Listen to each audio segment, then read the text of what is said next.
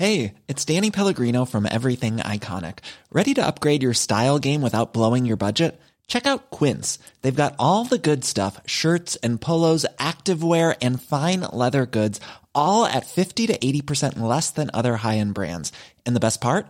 They're all about safe, ethical, and responsible manufacturing. Get that luxury vibe without the luxury price tag.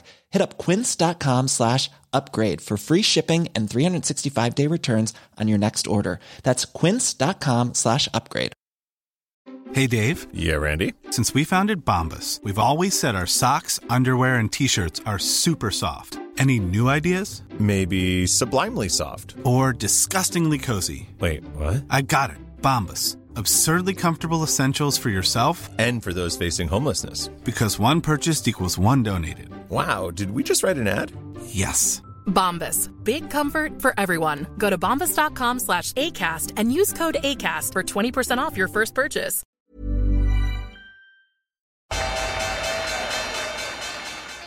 They mistook leverage for genius. Leverage for genius.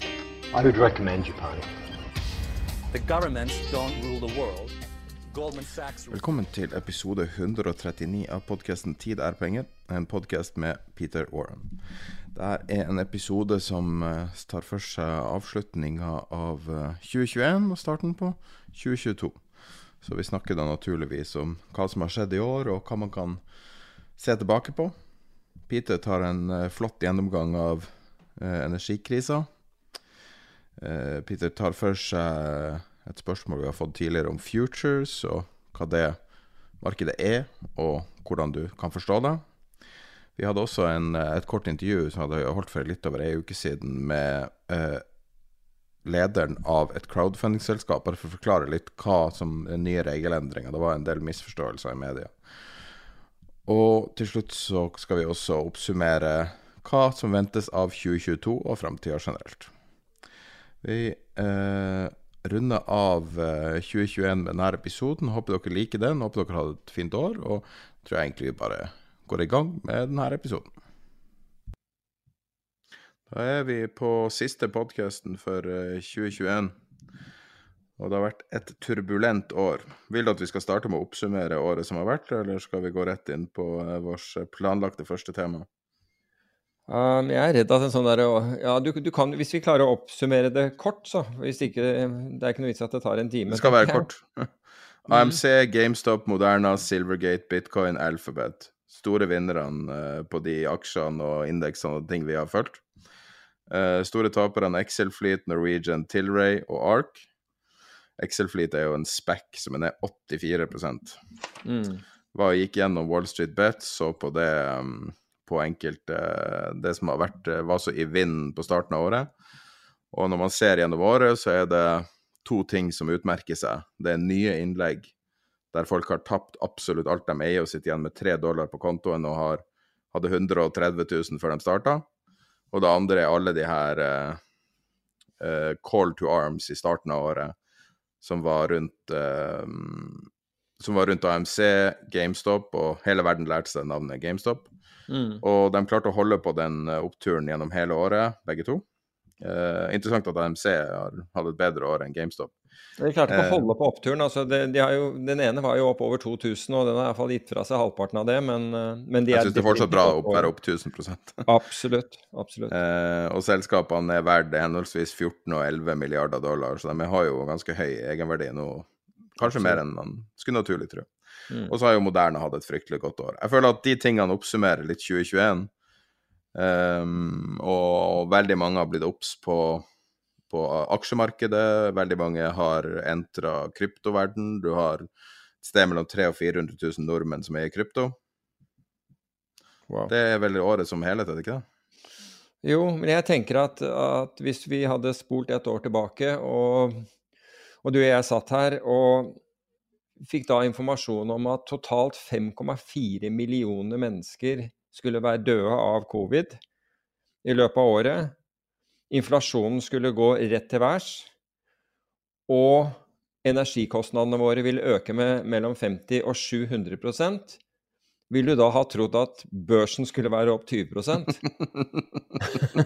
Jeg mener Vet du hva det mest sjokkerende der, syns jeg faktisk er syns jeg faktisk er um, endringer i strømpris. Det er det som mest overrasker meg. Ja. Eh, Når du sier hva vi gjorde for et år siden, skal jeg se Det var dumt at jeg ikke gjennom jeg satt og så på hva vi brydde oss om for et år siden. Eh, da var det Airbnb Air- Airbnb-IPO-en var viktig, blant annet. Var vi opptatt av. Og eh, Stocks has shakier finance on course for weakest quarter since 2009. Hmm. Og er, men altså det som eh, Og så er det da hvor bra det hadde gått med bitcoin, og jeg bare ser sånn røftlig hva vi så på for akkurat et år siden.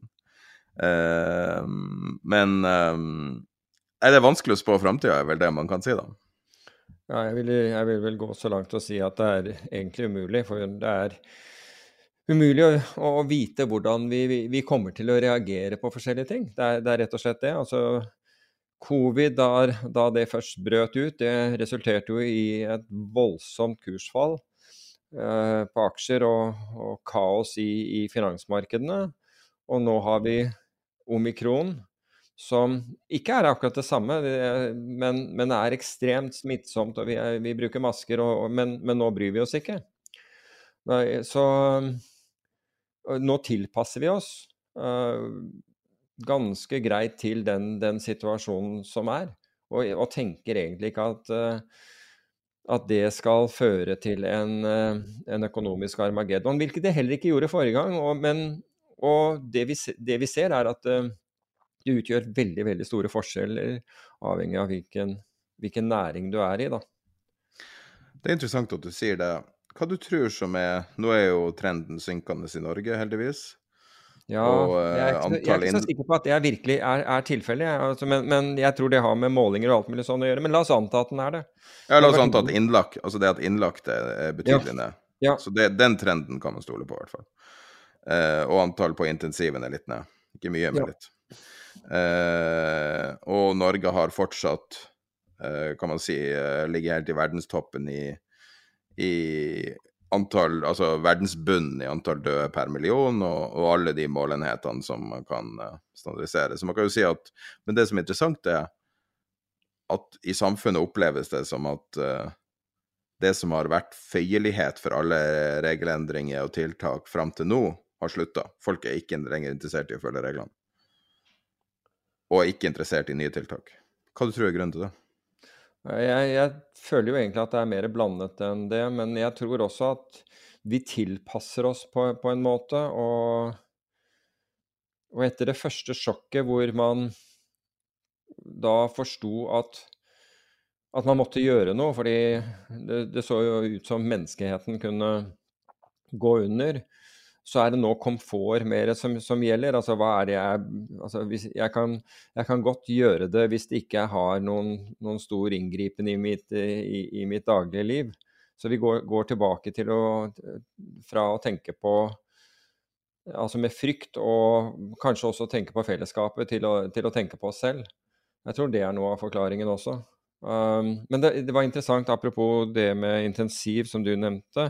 Det var en intensivsykepleier som, som ut, uttalte seg at når det gjaldt da disse vaksinemotstanderne, um, og de som da, fordi de ikke vet hva de får i seg Hun sa ingen av dem spør, verken spør eller klager på det vi pumper dem fulle av her sånn for å redde livene deres. Interessant. Ja, det er jo det. Da, da, er, da er man ikke opptatt av hva, hvilke medikamenter som brukes, eller hva de inneholder, eller noe som helst. Eh, Det var en eh, kar på Twitter eh, som stilte spørsmålet Kan du oppsummere 2021 eh, i fem år? Og da er jo spørsmålet til deg, kan du oppsummere 2021 i fem år? Altså, jeg tror, altså, jeg tror jeg hadde oppsummert det i ett ord, jeg. Jeg tror jeg klarer å oppsummere bedre med ett ord enn fem. Og det ene ordet er takknemlighet. Altså det at det har gått bra. At det har gått bra for de aller fleste. Og det være seg næringer så vel som, eh, som, eh, som helsemessig, det må jo Geopolitisk også. Um, så må man jo på en måte uh, ta det inn over seg, tror jeg. At det er Altså 2021 har jo nesten vært som Goldilocks, ikke sant, med et bakteppe som, som jeg nevnte. Altså 5,4 millioner mennesker det er nesten Norges befolkning, har dødd av, av covid. Um, hvem skulle ha trodd? Altså, Ja, men det er jo 2020 også, for så vidt. Ja da, ja, unnskyld, det er det. Det er helt riktig. Men totalt sett, men hvis du hadde sagt det der at det der, det der skal fortsette vi, vi kommer til å, altså, Folk kommer til å dø som fluer fortsatt, så tror jeg vi hadde hatt en Da hadde vi vært mer alarmists og vært mye mer forsiktige, og det hadde for så vidt vært negativt for, eh, for bl.a. næringslivet. Men nå har jeg inntrykk av at folk prøver å utnytte alle, alle bauger og kroker uh, og muligheter eh, de har. Altså det at Norge det at pandemien fortsatt eksisterer, det gjør at du kan øke priser på Du vet at det blir mer etterspørsel etter f.eks. hytter, som har vært et tema i avisene de siste dagene, og du kan øke prisene dine der, og alle prøver å få maksimalt, altså maksimere sin egen, eh, egen gevinst hele tiden. Jeg så den overskrifta i DN om hytta. Mm. Den var Den så grell ut. Altså, jeg vet ikke hva det var med det. De, jeg vet ikke om de gjorde det med vilje, eller jeg, jeg må jeg, Hun sa noe sånn at vi er Ja, nå er vi veldig, veldig happy. Er som å prøve å fortelle seg sjøl at det her er så fantastisk fordi hun har kjøpt ei svindyr hytte.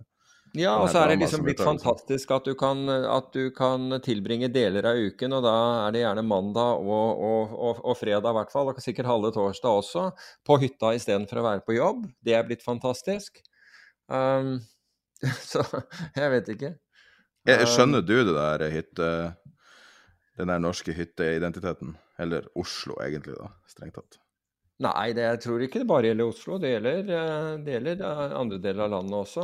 Jeg, jeg vet ikke. Altså, jeg, det er klart at det er hyggelig å være på, på hytter, og hvis du kan eh, Altså, det er mer fritid du har, så det, det bedre er det vel.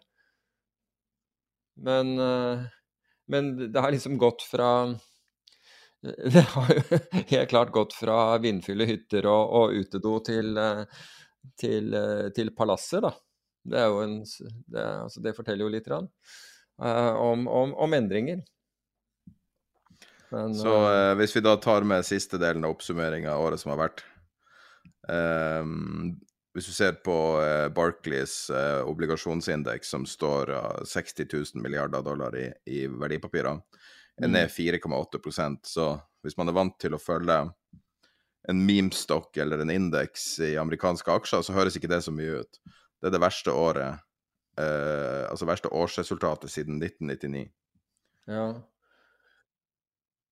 Altså, jeg føler jo at der Altså, hvis man skulle hatt, hatt rett om noe for, for 2021, så føler jeg at, at, eh, at den så vi komme. Og årsaken, eh, altså ikke at det var akkurat 4,8 eh, prosent ned, men at obligasjoner pga. den lave rente, renten ville være et en, en, der hadde du muligheten for et asymmetrisk utfall i din disfavør. Nemlig, det var ikke mye å gå på, altså i form av eh, at renten skulle gå videre ned. Altså mange, mange obligasjoner, og, og for øvrig fortsatt, har negative renter. Alle har nesten negative realrenter. Og en, en renteøkning vi, vi så jo de inflatoriske tendensene allerede i, eh, i, i fjor. Og så en renteøkning vil da, ville da slå ut negativt, og det kunne slå ut veldig negativt, avhengig av hvor stor den, den ble. Så den føler jeg har vært ganske Den er ikke på noen som helst måte grensesprengende, og den ville være en veldig sånn en trygg en, og antageligvis derfor vi hadde rett på denne. Eh, eh, en, en trygg eh, prognose å, å gi. Og selvfølgelig, hvis eh, Det kan jo forandre seg, f.eks. hvis aksjemarkeder skulle begynne å falle og, og ting skulle endre seg, så kan det være at, at obligasjoner er, er attraktive igjen, fordi da er det et, mer et relativt spill, og da vet du at det er små sjanser for at man setter opp renten samtidig osv. Men, eh, men akkurat når vi gikk inn i dette i, i 2021, så var det ganske opplagt at det var ikke stedet å parkere penger. Altså. Og at, at, man trengte å se, søke andre alternativ. Vi skrev også uh, blogger om det, bl.a. hvor man så på alternativer til, uh, til obligasjoner som diversifisering i, i, porteføljer. Så akkurat denne her føler jeg at, at uh, lå innafor. Ja. Men da har vi kanskje ei grei, kjapp oppsummering av 2021, og en ting som man kan si som kanskje er i, i fravær, som også oppsummerer, er jo det at vi nevner sånn sett ikke så mye norske aksjer der man kan si at en del av 2021 er jo at også norske investorer ser utover. Mm. Og mange ser rett til USA, bruker internett som kilde, og hele verden er ditt nedfallsfelt som investor, også i Norge. Ja, og du, du ser jo at altså, det er ingenting som påvirker kursene mer på alle på verdens aksjebørser enn SMP 500 future-kontrakten. Nå skal vi definere future-kontrakter etterpå for de som, som ikke vet hva det er. men men en bevegelse i den, den gjenspeiles i nesten alle aksjemarkeder, norske inkludert. Og Det er også det som disse, eh, som disse eh, spåmennene benytter når de eh, som kanskje den viktigste, viktigste parameteret når, når, de da skal på død og liv spå åpningen på Oslo Børs, om den, den er opp eller ned. Det er jo basert på hva den SMP Futuren har gjort i løpet av natten i asiatisk tid. Men da eh, kommer vi jo selvfølgelig til det aller, aller største temaet, kanskje det nesten de siste ti årene i Norge, vil jeg si. Altså det, eh, jeg, har, jeg, kan ikke huske at jeg har sett et nytt tema komme ut på den måten så fort og bli så stort så fort. Og det er energi, og kostnader på energi i Norge. Og i løpet av det siste året så har vi hatt en endring fra at eh, hvis du leide ei leilighet, så var strømmen inkludert, og ingen tenkte på det fordi det var så lave kostnader og der man hadde noen hundrelapper i strømregning, og eh, du måtte være rimelig sær for å sitte og følge strømmarkedet fra dag til dag, til at hvis vi går i dag på Dagens Næringsliv, hvis de hadde gitt oss tilgang på arkivet og sortert etter mest leste artikler, så skulle jeg banne på at alle eh, artiklene som er mest lest, handler om strøm. Mm. Og toppsaken akkurat nå på DN er strøm. Toppsaken på NRK er regelmessig strøm. Toppsaken på VG er regelmessig strøm. Uh, det er strøm, strøm, strøm er det folk bryr seg om, og det er jo selvfølgelig åpenbart når det her går rett i lommeboka. Uh, og det starta vel i mai å krype bitte litt oppover. Og på sensommeren begynte vi å se noe som ligna litt på rekorder, og begynte å bekymre oss for vinteren. Og så ble vi truffet av rekord etter rekord etter rekord. Ja, jeg, jeg, kan i hvert fall i det korte bildet glede For øvrig fikk du med deg at uh, tysk strøm i dag er, er, priset lavere enn norsk, er, i hvert fall i Sør-Norge. Det er ganske interessant. Um, men jeg kan glede med at uh, Algerie igjen slipper gjennom gass til uh, da Spania og Italia. Så det kommer i hvert fall noe gass inn til Europa den veien, i tillegg til uh, skip med LNG. Og så har temperaturen sunket i, i, um, i Europa, og, og, vindhastigheten økt. Slik at, uh, slik at eh, de, de, neste dagene ser noe bedre ut. Men det er jo ikke det vi snakker om de neste dagene. Nå snakker vi om på en måte det, den, den energikrisen som jeg føler at man kan si, som vi er oppi. Og det som fikk meg til å tenke der, det var For jeg har jo uh, uttalt meg om dette her og, og også hatt noen Twitter-stormer med Eller i hvert fall Twitter-debatter med, med, folk og, og, på andre medier om, om, strømpriser. Og det jeg er blitt møtt med gang på gang, er at, uh, er at ingen kunne ha forutsett uh, en 500% oppgang i, i gasspriser Um, og det var helt umulig å forutse det, det som skulle skje. Og til å begynne med så, så, så, Jeg vet ikke om jeg var enig, men jeg, jeg, tok det der til meg. Men etter å ha gått og tenkt på det, så er jeg faktisk uenig i det. Og min konklusjon på dette er, og, og jeg, og, er at det hele er A Colossal Failure of Common Sense. Det er for øvrig tittelen til en bok om Lehman Brothers, og ingen, ingen, uh, ingen sammenligning uh, for øvrig. Men jeg tror faktisk at dette her At man kunne ha forutsett denne krisen.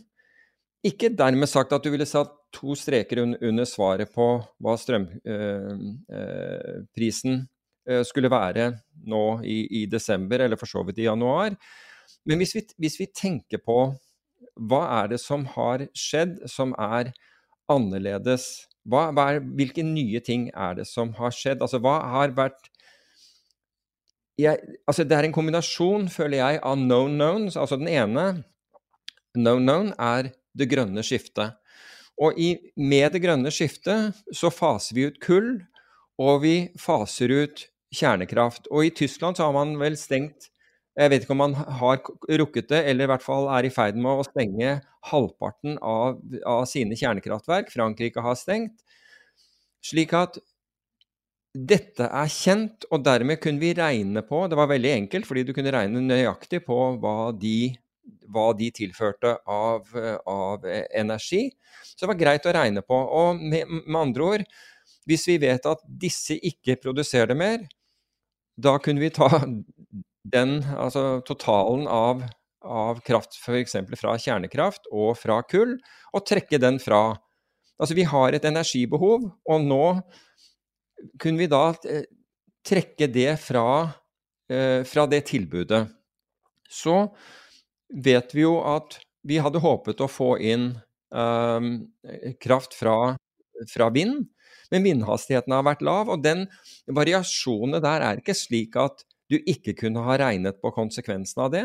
Men du vet i hvert fall helt sikkert at hvis vi kutter ut kull og reduserer øh, øh, kjernekraft, så må det erstattes med noe. Så for meg så er det known knowns. Det der, det der er et regnestykke. Det er enkel matematikk, akkurat det. For, for Norges del så har vi visst om disse tingene med Europa, for det er ikke som om det har vært, har vært skjult. Og så har vi da i tillegg valgt å eksportere og, ø, og, i, og i tillegg øke eksporten vår. Legge til rette for å øke eksporten vår av, eh, av kraft til Europa, og nå også til, til Storbritannia. Det er også en known known. Begge deler visste man. Så man vet at Europa kommer, får et, et, underskudd i forhold til hva de hadde tidligere når det gjelder tilbud. Og noe som sannsynligvis gjør at de vil få en At deres etterspørsel overfor, overfor oss, altså overfor Norge, vil, vil, være større. Så OK, no knowns. Så da har man på en måte med åpne øyne sett det skje. Og så har du da den geopolitiske situasjonen og den, i hvert fall det vi har sett foreløpig, er i det beste fall en, en known unknown. Fordi der kan det jo variere. Blant annet så visste vi ikke at Algerie skulle, skulle holde igjen på, på, på eksporten av, av nordafrikansk eh, gass til Europa. Det visste vi ikke, men det, det, ville ikke være helt utenkelig å tenke seg at f.eks. at en sånn rørledning gikk ned eller at det ble en eller annen form for uh, konflikt, fordi konflikten i Nord-Afrika har vært kjent på forhånd. Det kunne vært kalkulert. Så man kunne da hatt et utfallsrom f.eks. på det. Og så enda mer nærliggende er jo da at hvis ikke Hvis du da fikk en kald vinter Også her er det jo en, en variasjon, fordi vi vet ikke hvor, hvor kald vinteren blir. Vi har en idé om det. Men du, men det er tall du kan regne på, ikke sant. Du kan regne på uh, snittkullet på Jeg vet ikke hva, hva altså Hvis du skulle gått langt ut på skalaen, så ville du sagt snittkullet på minus 20 antageligvis. Helt til at du har en varm vinter. Fullt mulig å regne på. Og dermed så har du et scenario som du, du regner på, og, og, kan regne fra når, når du skal da beregne dine, ditt energibehov. Så oppi det hele så vet vi da at hvor, skal, hvor er det Europa, annet enn en, en fra Norge, hvor er det hoved, uh, hovedleverandøren til gass i Europa uh, befinner seg? Jo, det er Russland. Og hva er unike med Russland? Jo, det unike med Russland det er jo at du har en geopolitisk konflikt med Russland som dreier seg om annekteringen av, av Krim halvøya og, og, og, det som foregår eh, på grensen til Ukraina. På basis av disse to tingene så har USA og Europa og EU eh, foretatt økonomiske sanksjoner mot Russland. Og de økonomiske eh, sanksjonene har kostet eh, Russland nord av i hvert fall 40 milliarder dollar Så da har du på en måte Så var Altså, oppsummert da er at altså, eh, Europas eh, eh, energibehov, eller, eller eh, sagt på en annen måte Russland leverer ca. 35% av, av gassen som Europa trenger. Så la oss si at røftlig en tredjedel, altså du vet da at motparten din, noen som du da har sanksjonert og gjort det vanskelig for, er den du skal få gassen din fra. Du har gjort deg avhengig av noen som du allerede er i konflikt med, nemlig Russland. Og hvis du da ser på hvordan Putin har agert i mange andre situasjoner, så vet du at han er en ganske tøff kar. Han gir ikke ved dørene. Så det kunne ikke vært utenkelig at dersom det ble en, et stort behov for gass i Europa, at Putin ville utnytte det. Det kan ikke ha vært utenkelig, og jeg nekter for at det var utenkelig og ikke, og ikke godt innafor det som etterretningstjenester, som f.eks. den norske, og hvorfor den norske? Fordi vi har grense til, til, til Russland og er ganske gode på, på, på, på det. Franske, tyske, for, for så vidt det britiske. Jeg kan ikke tenke meg, og sikkert en hel del av de andre europeiske landene, at det var utenkelig for disse. At det ville bli møtt At hvis man kom i en sånn situasjon, så ville man bli møtt med Kunne man bli møtt med at Russland ville utnytte den situasjonen. Det kan ikke ha vært utenkelig. Så hvis du sier at det var faktisk tenkelig, dette var på agendaen, så har da etterretningsorganisasjonene, som er deres oppgave, gitt de politiske øh, myndighetene i de ulike landene varsel om dette. Gjort oppmerksom på hvilken situasjon man er i, eller man kan, man kan komme i som følge av dette. Resten er matematikk. Og jeg mener jo at her har man full Altså her, her Dette er en, som jeg sa, colossal failure of common sense på regjeringsnivå.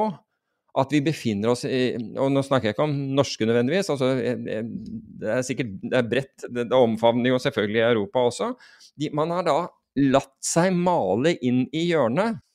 Og i tillegg så har man jo da Men man kunne ha løst det. Man kunne ha løst det på den måten at man inngikk langsiktige kontrakter om gassleveranse med f.eks. Gazprom. Men det har man, det man heller ikke valgt å gjøre. Man har valgt å kjøpe gassen i spotmarkedet istedenfor på langsiktige kontrakter. Så med viten og vilje så har man valgt den løsningen som, er, som, gjør, som gjør Europa mest sårbar i forhold til en policyendring fra Russlands side når det gjelder gassen. Noe som gjør at, at i, i, øyeblikket så flommer det jo ikke gass eh, gjennom, eh, gjennom Hviterussland, altså fra Russland gjennom Hviterussland til, eh, og inn til Tyskland. Det går faktisk den motsatte vei. Så nå, nå, nå går gassen i den rørledningen tilbake igjen.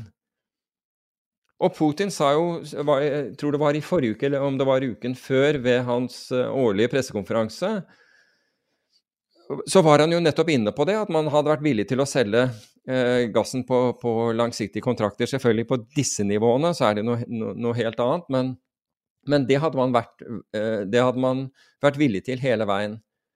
Så jeg mener jo at Europa, og også Norge, har malt seg inn i et hjørne som ikke politikerne er interessert i å, å ta noe som helst ansvar for. Så vi i Norge, vi betaler da for med, med, økt eksport. Vi betaler jo da det grønne skiftet for, for, Europa. Deler av det, i hvert fall. Vi betaler for det. Men gjør oss også sårbare pga. at Europa har lukket øynene overfor muligheten for at Russland ville bruke gassen politisk. Og derfor er vi i den situasjonen. Så når, når, man sier til meg at du kunne ikke ha forutsett at, uh, at gassprisene skulle, kunne stige 500% Nei, jeg gjorde ikke det, fordi jeg, jeg, jeg, er ikke i det markedet. Og, og, og, og, tenkte ikke på det. Men hvis jeg var i det markedet og var avhengig av det, så hadde jeg jaggu klart å tenke på det. altså. Ikke sagt at den skulle opp 500% men at det ville vært i et utfallsrom, det tror jeg det er jeg temmelig sikker på. Nå er Den gode, virkelig gode nyheten er jo at, at gassprisen fra, fra, den aller høyeste europeisk gasspris fra den aller høy, høyeste nivå har falt ca. 50% så det ser jo litt bedre ut, for å si det på den måten. Men, men, det ser ikke bra ut. Det gjør det ikke. Du har glemt én uh, known known, altså.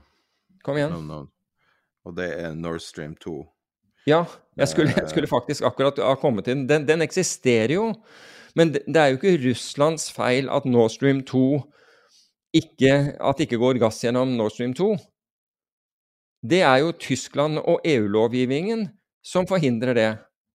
Nå kan, du, nå kan, du, argumentere med at Gazprom har blitt bedt av tyske myndigheter at et av, en av forutsetningene var at Gazprom øh, stiftet et europeisk selskap som da skulle håndtere det på, eh, på, på, europeisk side, og ikke har gjort det. Det vet jeg ikke hvorfor.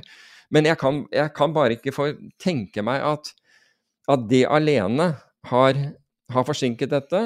Men det som stanset Nord Stream 2, var jo Trump. Han ville jo ikke at, det, at, ehm, at man skulle gjøre seg avhengig av eh, At Europa skulle gjøre seg avhengig av Russland.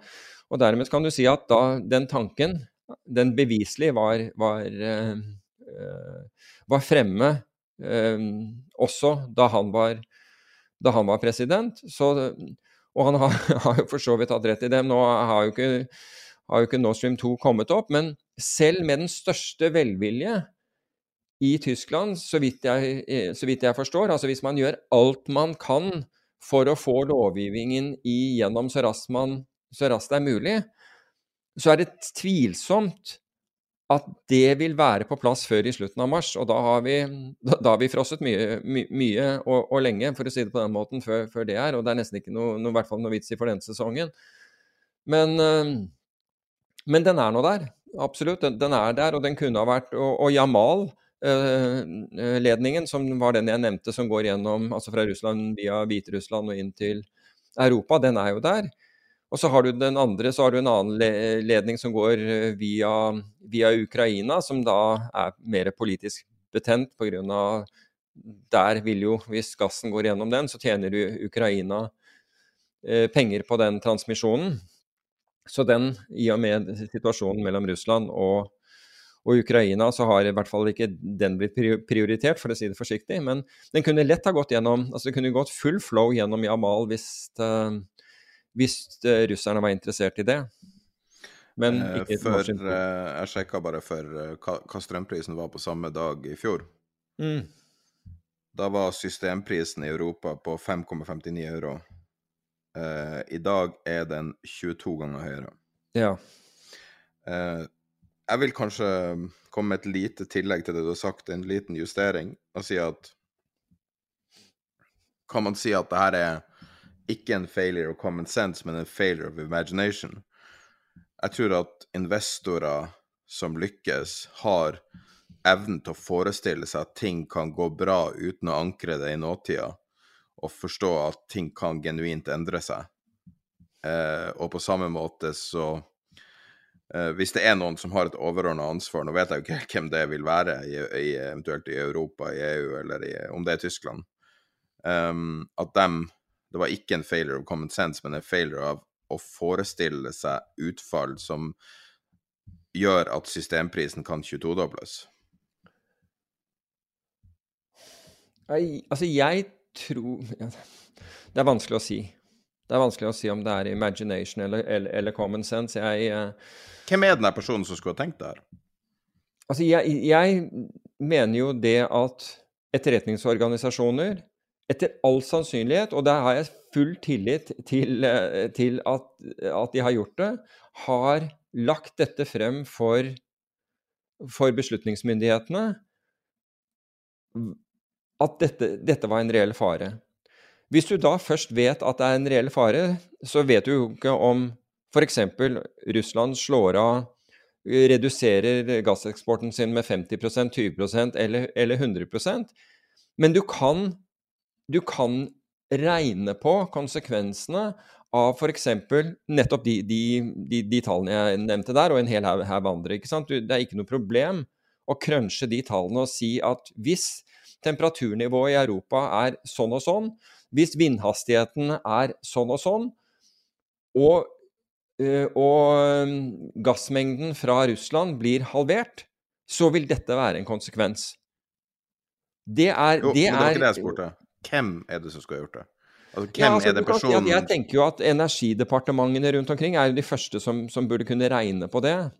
Er det noen som har et overordna ansvar? Fordi at Europa er jo nettopp fragmentert, og man har ikke en allmektig person à la Putin i Europa, på en måte. Nei, men, nei det, er, det, er, det, er, jo riktig, men, men, du kan si at jeg tror ikke det er så vanskelig å få frem de, de tallene. Jeg tror Rystad Altså Hadde du gitt Rysta, en, altså analyseselskapet Rysta, uten at jeg, jeg, kjenner dem ikke bare så det jeg har sagt, men de they come highly recommended. Men hadde du gitt dem disse premissene, så er jeg temmelig sikker på at de ville være i stand til, på basis av de, de faktorene vi kjenner, å regne ut da omtrentlig hva det vil bety på Men hvem skulle de ha presentert det til? Det er det jeg mener. Så én ting er hvem skal gjøre analysen, det er vel og bra, det er mange som kan gjøre, og det er etterretning osv. Men Regjering. hvem kunne ha EU-parlamentet, liksom? Hva sier du? Er det EU-parlamentet som skulle til syvende og sist ha Ja, du, du, kan si at det, det første altså vi, Du kan si at hvis BND, som er, er, er, er uh, tyske etterretnings... Uh, uh, tjenesten. Altså hvis Altså etter, etterretningstjenester har ukentlig, eller oftere hvis det er behov, møter med, med, med regjering eller med, med regjeringsmedlemmer. Og, og, gir de da brief på, på, på den situasjonen og, som de mener eksisterer geopolitisk. Og med da særlig vektlegging på mulige pro problemområder. Det, det er sånn det foregår. Da vil det jo være opp til det regjeringsmedlemmet, altså den som mottar disse her, og levere dette her opp til uh, statsminister-presidentnivå si i, i, deres møter og si at her kan vi ha en potensiell trussel. Og da vil det naturlig være hva, ok, hvor, hvor stor kan dette her være? Og da vil det være for, for, for, disse å få sine departementer eller hvem det måtte være, til å regne på dette her. Jeg tror ikke at dette regnestykket er, er spesielt komplisert. Men hvordan vet du at det ikke ble lagt fram? Vet du hva, jeg tror det er blitt lagt fram, jeg.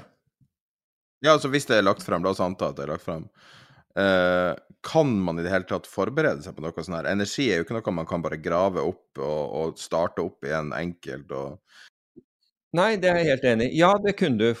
Ja, jeg mener at hvis du var tidlig nok på hugget på, på dette, og, det, og, når jeg mener tidlig nok på hugget, altså når du gjør beslutningene av å, å, å legge ned kjerne, kjernekraft og ikke bruke kull, så vet du at det det energi Den energi, hva heter det, outputen, som, som disse, uh, disse, sørger for, den må erstattes på en eller annen måte.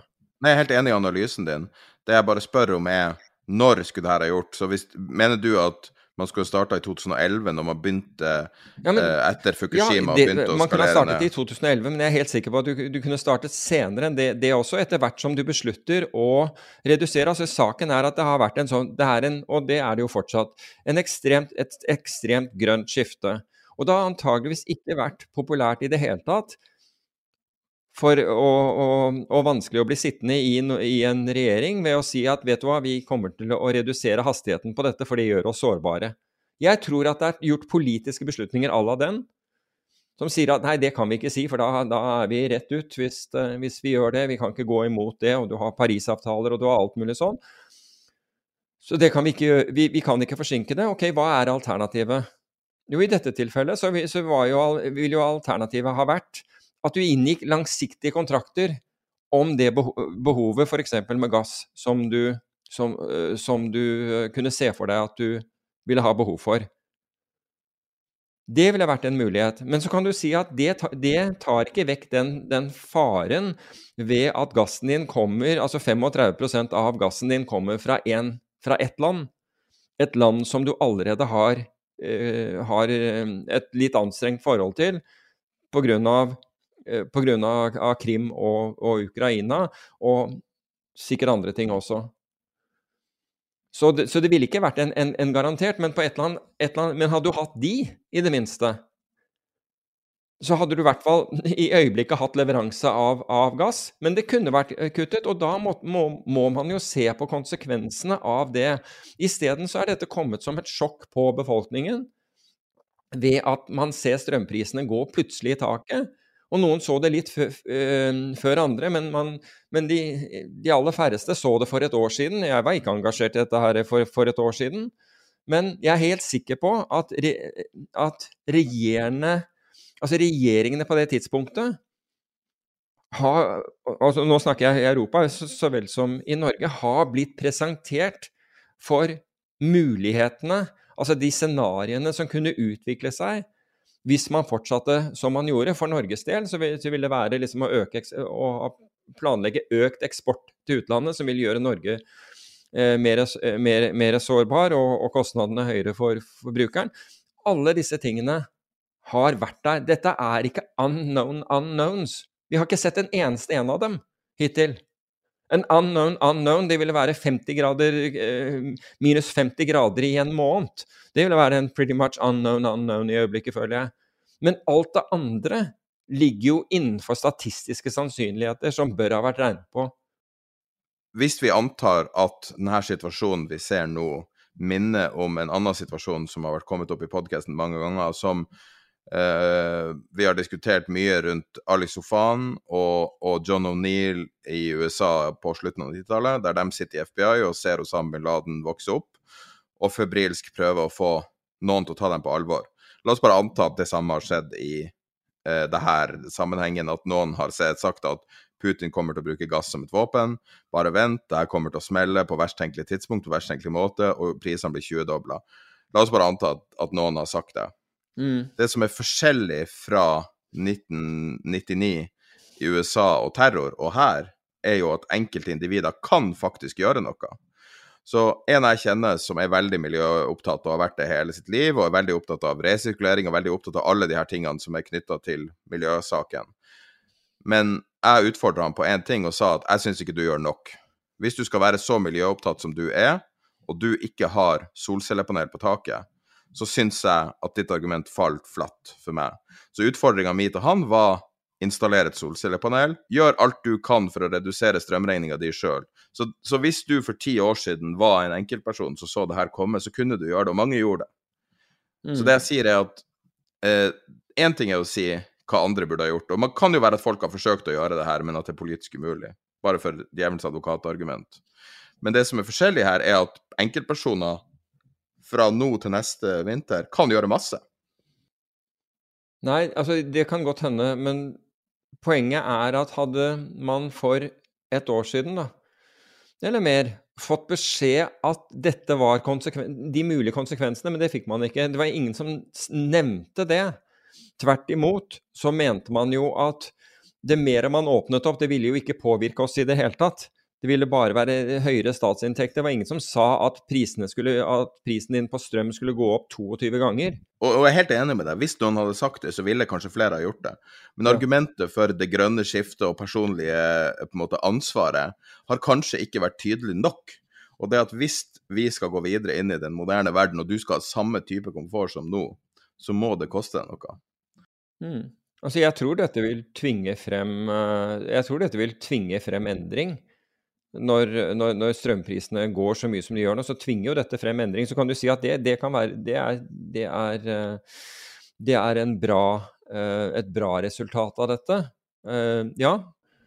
Så hvis, la oss si at vi, at vi ser framover et lite øyeblikk, basert på din utmerket analyse, og tar utgangspunktet i det samme, og så sier vi og prøver å advare om at det kan bli verre.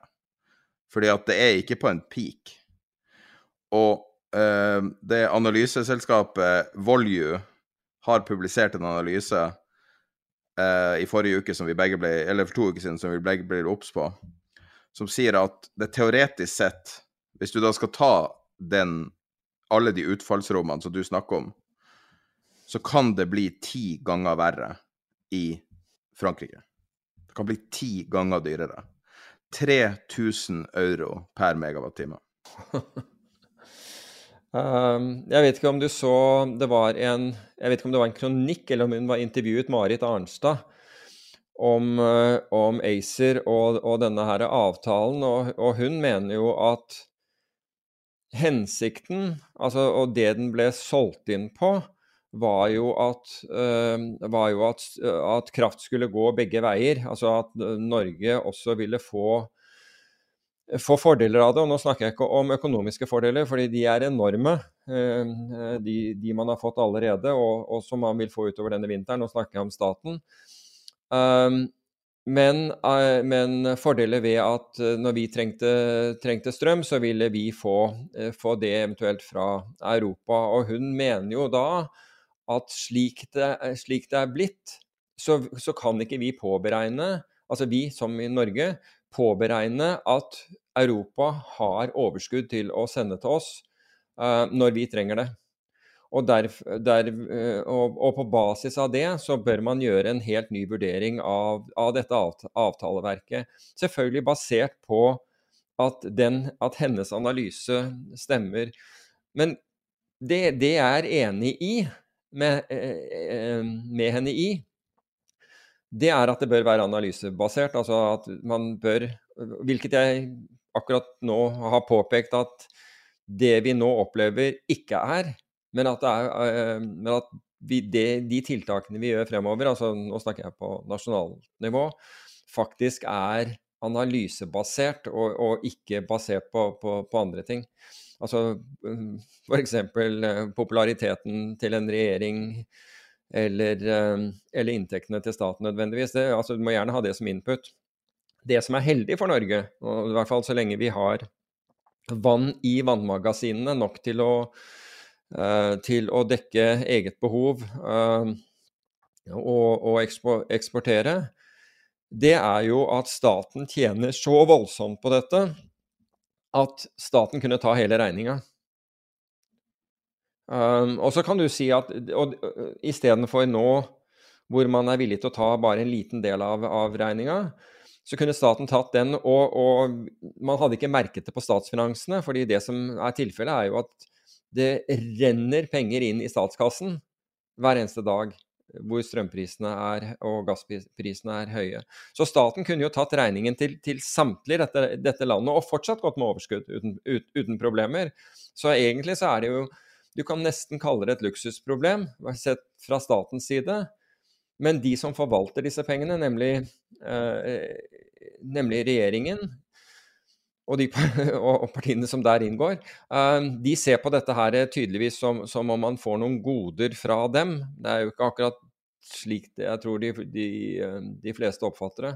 Selv om jeg syns at eh, det er bra at de har, at har fått, på plass, eh, eh, fått på plass tiltak. Men jeg tror man må, trenger å se dette her eh, med andre øyne. Det, det, det, er jeg ganske sikker på. Ja. Nei, men da tror jeg vi har uh, fått en uh, flott uh, innsikt i hele det her strømspekteret. Nå kan vi jo legge til at det siste ukjente eller uventa som skjedde, var jo selvfølgelig det at Kina kom inn og tok en del av europeiske gassen fordi at de prøvde å droppe kull sjøl, men det kan man jo si en del av det grønne skiftet. Selv om det er OL-relatert grønt skifte, så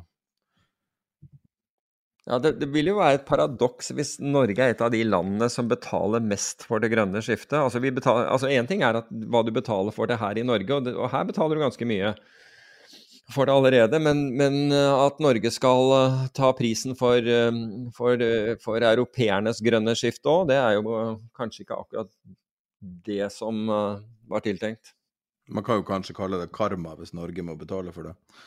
Som har pumpa ut olje og gass i en mannsalder. Men um, ja, Måte å se det, det på det òg. Eh, jeg tenkte vi skulle ta bare et kjapt innslag som jeg spilte inn for eh, litt over ei uke siden eh, i reaksjon på en nyhetsartikkel som var, som opplevdes som kanskje litt unøyaktig. Og snakka med Stine Sofie Grindheim, som er leder av Dealflow. Du har kanskje hørt henne i podkasten før. Veldig dyktig og veldig solid på hele det crowdfunding-spacet. Og det er kommet nye regler for crowdfunding, og her er en bitte liten samtale jeg hadde med henne for litt over en uke siden, som bare er klargjør hva de nye reglene er. Ja. Altså Folkefinansiering har blitt mer og mer populært og spredt seg ganske mye. Og i EU så har de da sett at de ulike aktørene som driver med det, behandles ulikt. Der har EU laga et regelverk, eller en crowdfunding-forordning, eh, som gikk gjennom i EU i oktober i år. Og Pga. EØS-avtalen så er jo Norge pliktig til å innføre de forordningene her i tillegg. Og det som da har kommet ut i media nå, det er jo sånn ja, innstramminger i folkefinansiering, og nå blir det endringer. fordi at nå legger de frem forslag for hvordan man skal tolke den loven i Norge. Men det er jo ikke sånn at det har vært eh, fritt vilt og ingen reguleringer i Norge før denne EU-forordningen nå kommer. Vi har jo måttet forholde oss til de reglene som har vært. Eh, og f.eks. Dealflow og Folkinvest, som også gjør aksjebasert folkefinansiering, vi har da konsesjon som verdipapirforetak. Og da forholder vi oss til eh, den norske verdipapirhandelloven som større meglerhus, og MIFID 2, som også er et regelverk i EU.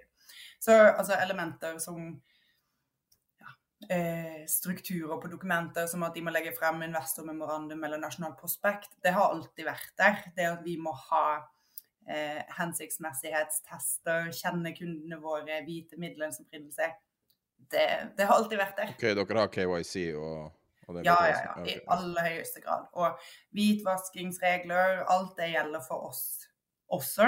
Så det som mer kan skje nå, det er jo at det kommer en ny konsesjon, som er en crowdfunding-konsesjon. Man anerkjenner litt mer det som en egen greie. Og så vil det komme en crowdfunding-konsesjon i Norge som kanskje er litt lettere å få tak i enn den konsesjonen vi har i dag som verdipapirforetak. da. Men for oss, når vi allerede har den konsesjonen vi har, så er det ikke nødvendigvis hensiktsmessig for oss å endre den konsesjonen. Men det kan jo gjøre at det blir lettere for nye aktører å etablere seg. Selv om det for så vidt fortsatt er mye regelverk du skal følge, så det er tungt å etablere seg som aktør fortsatt. Men det blir jo lettere for aktører i EU å drive med grenseoverskridende virksomhet, fordi du har én konsesjon som gjelder for hele Europa. Ja, det var Stine Sofie Grindheim fra Dealflow. Um, vi har jo fått noen spørsmål om futures, og vi snakker jo mye om futures. Det er jo selvfølgelig et problem med podkasten at folk som hører på, har helt forskjellig kompetansenivå. Så vi prøver jo å legge oss på et eller annet nivå som gjør at du, selv om du kanskje ikke skjønner alle begrepene og ordene, så klarer du å følge med. Men at vi ikke på en måte går ned på et sånt nivå og antar at alle kan ingenting. Så har vi prøvd å finne et eller annet nivå som ligger kanskje midt imellom. Uh, og prøve å ikke bruke for mye stammespråk og engelske uttrykk og titt og tatt som kan oppleves som vanskelig. En ting som kanskje mange norske finansinteresserte ikke kjenner så godt til, er det amerikanske Det er vel nesten primært amerikansk futuresmarkedet som um, som oppsto i Chicago uh, for en 100 år tilbake, og har blitt en veldig viktig del av finansmarkedet. Vi forsøker jo å å, være så opplysende vi kan om, om finansielle tema. Futures er jo et godt uh, eksempel på det. Og så Hvis vi begynner med hva er, hva er en future-kontrakt? Og En future-kontrakt det er en kontrakt om fremtidig levering. Du kan ha future-kontrakter på enkeltaksjer, det er ikke fullt så vanlig å ha det på enkeltaksjer. Eh, men du har det på indekser, og du har det på råvarer, og du, og du kan ha det på, eh, på valuta. Og f.eks. hvis vi tar utgangspunkt i en future-kontrakt på en, en, en aksjeindeks, så vil det da si f.eks. at du eh, hvis, du hvis, du tror markedet skal gå opp, så kjøper du da denne future-kontrakten for levering eh, sin, i, i, i, mars neste år, f.eks. De amerikanske futurene har gjerne kvartalsvis eh, levering, mens på den norske OBX-indeksen så har du, har du månedlig det blir mye, mye transaksjonskostnader hvis man har det månedlig kontra, kontra kvartalsvis.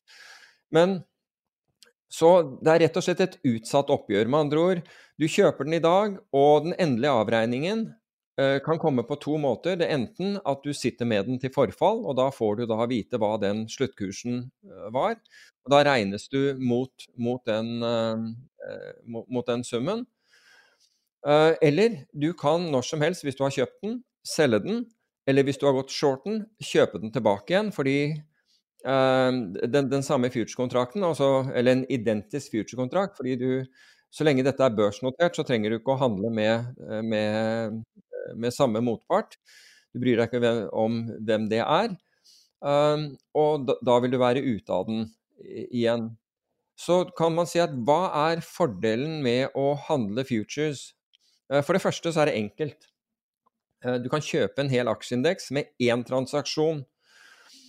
Og det neste vi, vi, trenger å se på da, er at hvordan prises en, en future-kontrakt? Jo, siden du har et utsatt oppgjør, så er det et renteelement her. ikke sant? Altså det er den der, du, du, du, trenger ikke å betale for den før ved, ved, forfall. Og det er jo da en fordel, fordi du kan da ha pengene dine på konto, en rentebærende konto, hvis noe sånt lenger finnes, i, um, i, i mellomtiden. Så future-kontrakten er da basert på, hvis det er en indeks-future, indeksen i øyeblikket, altså det indeksnivået vi har akkurat i øyeblikket, pluss da et rentepåslag som regel Um, og, og, den renten for øvrig er lavere enn den renten som du ville betale hvis du gikk til en bank og kjøpte f.eks. et indeksfond og spurte om du kunne få den finansiert. For da ville banken legge på massevis av, av marginer på det, og du ville komme ut med en helt annen rente enn den du får når du gjør en future-kontrakt. Fordi future-kontrakten, der er det konkurranse. Og denne, den konkurransen gjør at future-kontrakten beveger seg da riktig matematisk i de aller, aller, aller fleste tilfeller i forhold til indeksen. Når den ikke gjør det, så er det gjerne ved, når det er stor stress i markedet, og f.eks. noen som ønsker å selge et stort antall aksjer, en bred portefølje, de selger da future-kontrakten for å komme seg ut med ett klikk, istedenfor å, å måtte, la oss si i SMP 500s tilfelle da måtte selge 500 aksjer, eller i OBX-ens tilfelle måtte selge 50. Unnskyld, 25. Um, så det er mye enklere å, å, komme inn og ut av det. Ta f.eks. oljefondet. Når de skal inn Altså, de er jo et indeksfond. Og når de skal inn i markedet, så, så kjøper de f.eks. de skal så, så replikerer jo fondet en indeks, og de trenger da å kjøpe et haug av aksjer, men istedenfor at de går rundt og, og, handler alle disse aksjene, så er det i hvert fall i mange tilfeller enklere for dem å kjøpe en future-kontrakt. Eller kjøpe det antall future-kontrakter som de, de, har tenkt uh, for, for, den eksponeringen de skal ha. Og så får de en bank, en av de, de store investeringsbankene i utlandet, til å det vi kaller explode the basket, altså å, å gi dem aksjene, og, og da gir de future-kontrakten til den banken, og så får de alle disse aksjene eh, overført til, til, seg etterpå. For, for banken er det akkurat det samme. Den, den, tar seg selvfølgelig betalt for å gjøre den jobben. Men for oljefondet så er det en enkel transaksjon å få den eksponeringen man vil ha. Og mer og mer så ser du at store investorer ønsker eksponering til en indeks fremfor å drive og kjøpe massevis av enkeltaksjer, og da er det ett klikk for å få, få det til. Det som holder eh, Det som sørger for at det er et riktig forhold mellom future-kontrakten og, og, den den er basert på, i dette tilfellet en indeks, er arbitrasjører. For hvis future-prisen begynner å, å, bevege seg langt unna eh, indeksen, så la oss si at den gikk langt over indeksen, så vil man selge future-kontrakten short og samtidig kjøpe aksjene i den indeksen og låse inn en, en gratis gevinst. Og det samme har du til nedsiden hvis future-kontrakten handler vesentlig under eh, indeksen, og nå snakker vi om bare noen, altså mindre enn en prosent antageligvis, så, så vil man gjøre det motsatte. Man vil shorte de, eh, disse eh, aksjene eh, og, og, kjøpe futuren til dette kom tilbake igjen. Altså, og da har man gratis gevinst. Og arbitrasjør, altså Det, kaller, det ble kalt eh, programhandel i, eh, i USA. Og på 80-tallet så, så, ble dette veldig, veldig populært. Og jeg husker at jeg var hos, uh, hos uh, Kiddy Peabody, som var en stor, var en stor investeringsbank som, som, holdt på med det, uh, når de utførte programhandel på desken. Og vi gjorde jo for så vidt dette her i OBX-indeksen da jeg var, var marketmaker. Vi tok den implisitte renten fra future-kontrakten og regnet den hele tiden og så den i forhold til altså hva den var.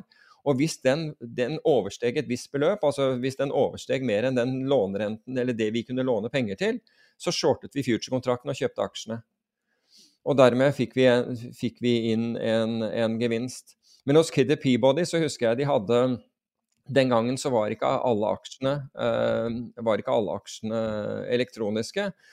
Så de hadde massevis av, av åpne linjer, altså på, på, på høyttalerbokser, hvor de ga ordre til et haug av meglere, og hvor, hvor, meglerne på gulvet hele tiden ropte prisene tilbake. Og så satt da så satt da um, den som drev med programhandelen og hørte på dette her og sa 'jeg tar det, jeg tar der, jeg tar der, ikke der, ikke der, jeg tar de', osv. Og, så og når han hadde gjort det, så slo han på en rød knapp, en svær rød eh, sånn der eh, panikkbryter. Og den sendte da ordrene til det alt, alt, det som handlet elektronisk. Og da, da handlet de med ett trykk, alle disse elektroniske aksjene. Og de var kjempestore i det der, og, og, jeg husker da jeg satt sammen med dem, de satt for øvrig i et bomberom er virkelig et bomberom i, eh, i lokalene til Kiddy Peabody på, på, på, på, Wall Street. Og jeg satt der en dag og var helt fascinert over å se disse gutta handle, drive programhandel. Og banken, altså investeringsbanken tjente voldsomt på dette i, i, de dager. Så future-kontrakten er i utgangspunktet prises på basis av spot-kursen, altså den kursen som valutaen, aksjen, råvaren eller hva, hva, hva det måtte være, Eh, handler til, pluss et renteelement. Så har vi én faktor til. Altså de, eh, de, finansielle futurene vil ha eh, Der vil renteelementet være det avgjørende for, for prisingen. Altså kursen i dag på, på, på indeksen i øyeblikket, pluss et renteelement. Men så har du da det, det, kaller vi finansielle futures. Det er ting som uh, aksjer, indeks, uh, indeks futures, uh, det vil være obligasjoner, ulike obligasjoner. Det kalles alle finansielle futures. De påvirkes egentlig først og fremst, uh, altså den future-prisen, av rente, eh, denne renten som, som, betales. Men hvis du kommer til ting som råvarer, så er situasjonen annerledes. Der har du også dette renteelementet, selvfølgelig på, på en future-kontrakt. Men så har du en hel haug av andre faktorer, og den ene kan være sesongmessige svingninger. Og det ser vi i hvert fall i naturgass. Der er det enorme forskjeller på, på, på, på vintersesong kontra sommersesong, rett og slett pga. at uh, etterspørselen er mye større for, for vintermånedene enn enn på sommeren. På sommeren bruker de riktignok uh, i, um, i um, airconditions osv. Olje har du, har du det samme. Men det, det, er ikke bare sesongvariasjoner. Det er lagrene av f.eks. gass eller olje, eller det kan være hvete korn, alle disse, disse, produktene i de forskjellige månedene. For det kan være at det høstes i øyeblikket nå. Det er, det er, la oss si at det er en stor hvetehøst i øyeblikket. Det er mye hvete produsert. Da vet du Da vet du, den var ikke dum. Um, da vet du at la oss si seks måneder fra nå, så vil lagrene med hvete være veldig eh, fulle og, presse, og, og presse prisene. Og dermed, på råvarer, så kan fremtidskursen, altså future-prisene, være noen ganger vesentlig under prisen vi ser i dag. Problemet er at du kan ikke levere hvete som, som, først vil være på lager om seks måneder. Den får du ikke levert i dag. Og på samme måte får du ikke levert olje som, som, du, skal, eh, som du har kjøpt f.eks. For, for levering i desember 2022. Den får du ikke levert i dag. Så du kan ikke utnytte den på den måten. Men hvis du vet at du skal ha olje, eller, olje i slutten av 2022. Og den kurven er i det vi kaller backwardation, med andre ord fremtidsprisen er lavere enn kursen i dag, så kan det være mer gunstig å kjøpe den, kjøpe den desemberkontrakten nå, enn å sitte og vente til, eh, til desember og kjøpe spot-kontrakten da. Så future-prisingen future gir deg en gir deg en annen dimensjon når det gjelder eh, ikke-finansielle futures. Og når det, finans, eh, når det, gjelder finansielle futures, så snakker vi altså Uansett så snakker vi om utsatt oppgjør. Um, det er det, det future dreier seg om. Og prisingen i hvert fall av finansielle futures er, er, er enkel å forstå. Og så var det en som spurte meg men er ikke det akkurat det samme som å handle CFD og, og strukturerte produkter. Fordi jeg har sett da at du kunne kjøpe indekser via en megler så, som et strukturert produkt? Og svaret på det er nei. Uh, forskjellen er at en future-kontrakt, der, der, kan du handle, altså den handles på børs. Mens et strukturert produkt, eller en CFD, den handles da hos en bestemt megler. Så forskjellen er at du, en, du må gå til én megler for å kjøpe og selge den, og da er du avhengig av prisingen fra akkurat den, den megleren. Mens i, i future-kontrakter så kan du handle den med alle eh, børsmedlemmene på den børsen, på den aktuelle børsen. Så er det én forskjell til, og det er med future-kontrakter så har du en oppgjørssentral som motpart. Og den oppgjørssentralen, den eh, garanterer da at du får oppgjør, og er den som samler inn eh, den, det sikkerhetskravet som, som, du må stille. Du må stille da med sikkerhet for at du, du kommer til å eh, oppfylle din del av, av denne kontrakten. Med andre ord, hvis du kjøper OBX-indeksen i dag, så vil du betale inn et sikkerhetskrav, og det sikkerhetskravet, altså størrelsen på det, eh, beregnes etter hvor mye man, man tror at OBX-indeksen kan svinge i den perioden. Så det mer det svinger, det høyere sikkerhetskrav får du. Um, og det, det, vil da være uh, oppgjørsprisen, uh, altså hvis du sitter til forfall, minus det du har innbetalt i sikkerhetskrav, fordi det, det vil da inngå i, i, det du skal betale eller motta når, når oppgjøret, oppgjøret finner sted. Så futures kan, er en veldig enkel måte å få eksponering, og, men du må lære deg at man må lære seg at futures-kontrakter er, eh, er, de er forskjellige, med andre ord, de har forskjellig underliggende. Og du kan ha futures-kontrakter, f.eks. den første bitcoin-kontrakten, den mener jeg var den for Tar jeg feil om den? Den tror jeg var for fem bitcoin. Mens det var så stort, ble, utgjorde da så stort beløp når, når, bitcoin steg så kraftig som det gjorde, at man innførte en, en, en mini-bitcoin som da er 0,1 bitcoin per kontrakt. Så du betaler, eh, kurtasjen du betaler, er per kontrakt, og ikke, ikke, verdien for det underliggende, sånn som du gjør med aksjer. ikke sant? Hvis aksjer er, ja, Det gjør du ikke alltid med aksjer, men noen ganger så er det 0,1% av verdien du handler, og andre ganger er det et, et fastbeløp. Så sånne ting trenger man å vite, og må, det er veldig viktig å forstå hvor stor, uh, hvor stor den future-kontrakten er. F.eks. ett poeng i uh, SMP 500. Altså hvis den går fra 4701 til 4702 på én, én kontrakt, så utgjør, det, så utgjør det 50 dollar. Bare så man, man vet det. Så, så, man må vite hvor stor den kontrakten er, og regne, og regne seg ut ifra det. Så det er ikke som aksjer hvor du, kan, hvor, hvor du vet akkurat hva én aksje koster. Det er da en Du, du multipliserer indeksen med en, med en, faktor, og den, den varierer fra produkt til produkt. Det er alltid den samme på det samme produktet, men du, du må være klar over disse, disse faktorene. Så det er future-kontrakter, kort fortalt. Uh, et lite addendum. Det er to ting du ikke kan trade futures lenger. Det er løk, og det er box office, altså eh, hvordan det går på kino, uh, kinoen med en, en, film. Før kunne du da tilsynelatende Jeg vet ikke om filmprodusenter kjøpte futures for å hedge seg opp hvis en film floppa. Men det som var sikkert var i 1955, så var det en run på Eller eh, cornering av uh, markedet. Og det er jo noe som er en ting som kjennetegner futures-markedet, at du kan cornere, på en måte kontrollere prisen på, uh, på en, et produkt eller et, en asset. Og det skjedde i løkmarkedet. Og siden den gangen så har det vært ulovlig å trade løk-futures. Um, siden 1958, når det ble The Onion Future Act ble vedtatt. Og så i 2010 la de inn det kino box office-resultatene også. Ja. Futures har mye artige historier, og det der er jo definitivt en av de mer kjente.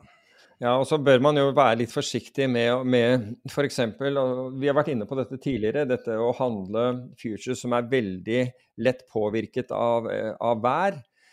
Um, der bør man, altså Sånn som vi har nevnt kaffe, som kan være påvirket av, veldig kraftig påvirket av frossesongen i Brasil, orange juice av, av frostsesongen i, i, Florida.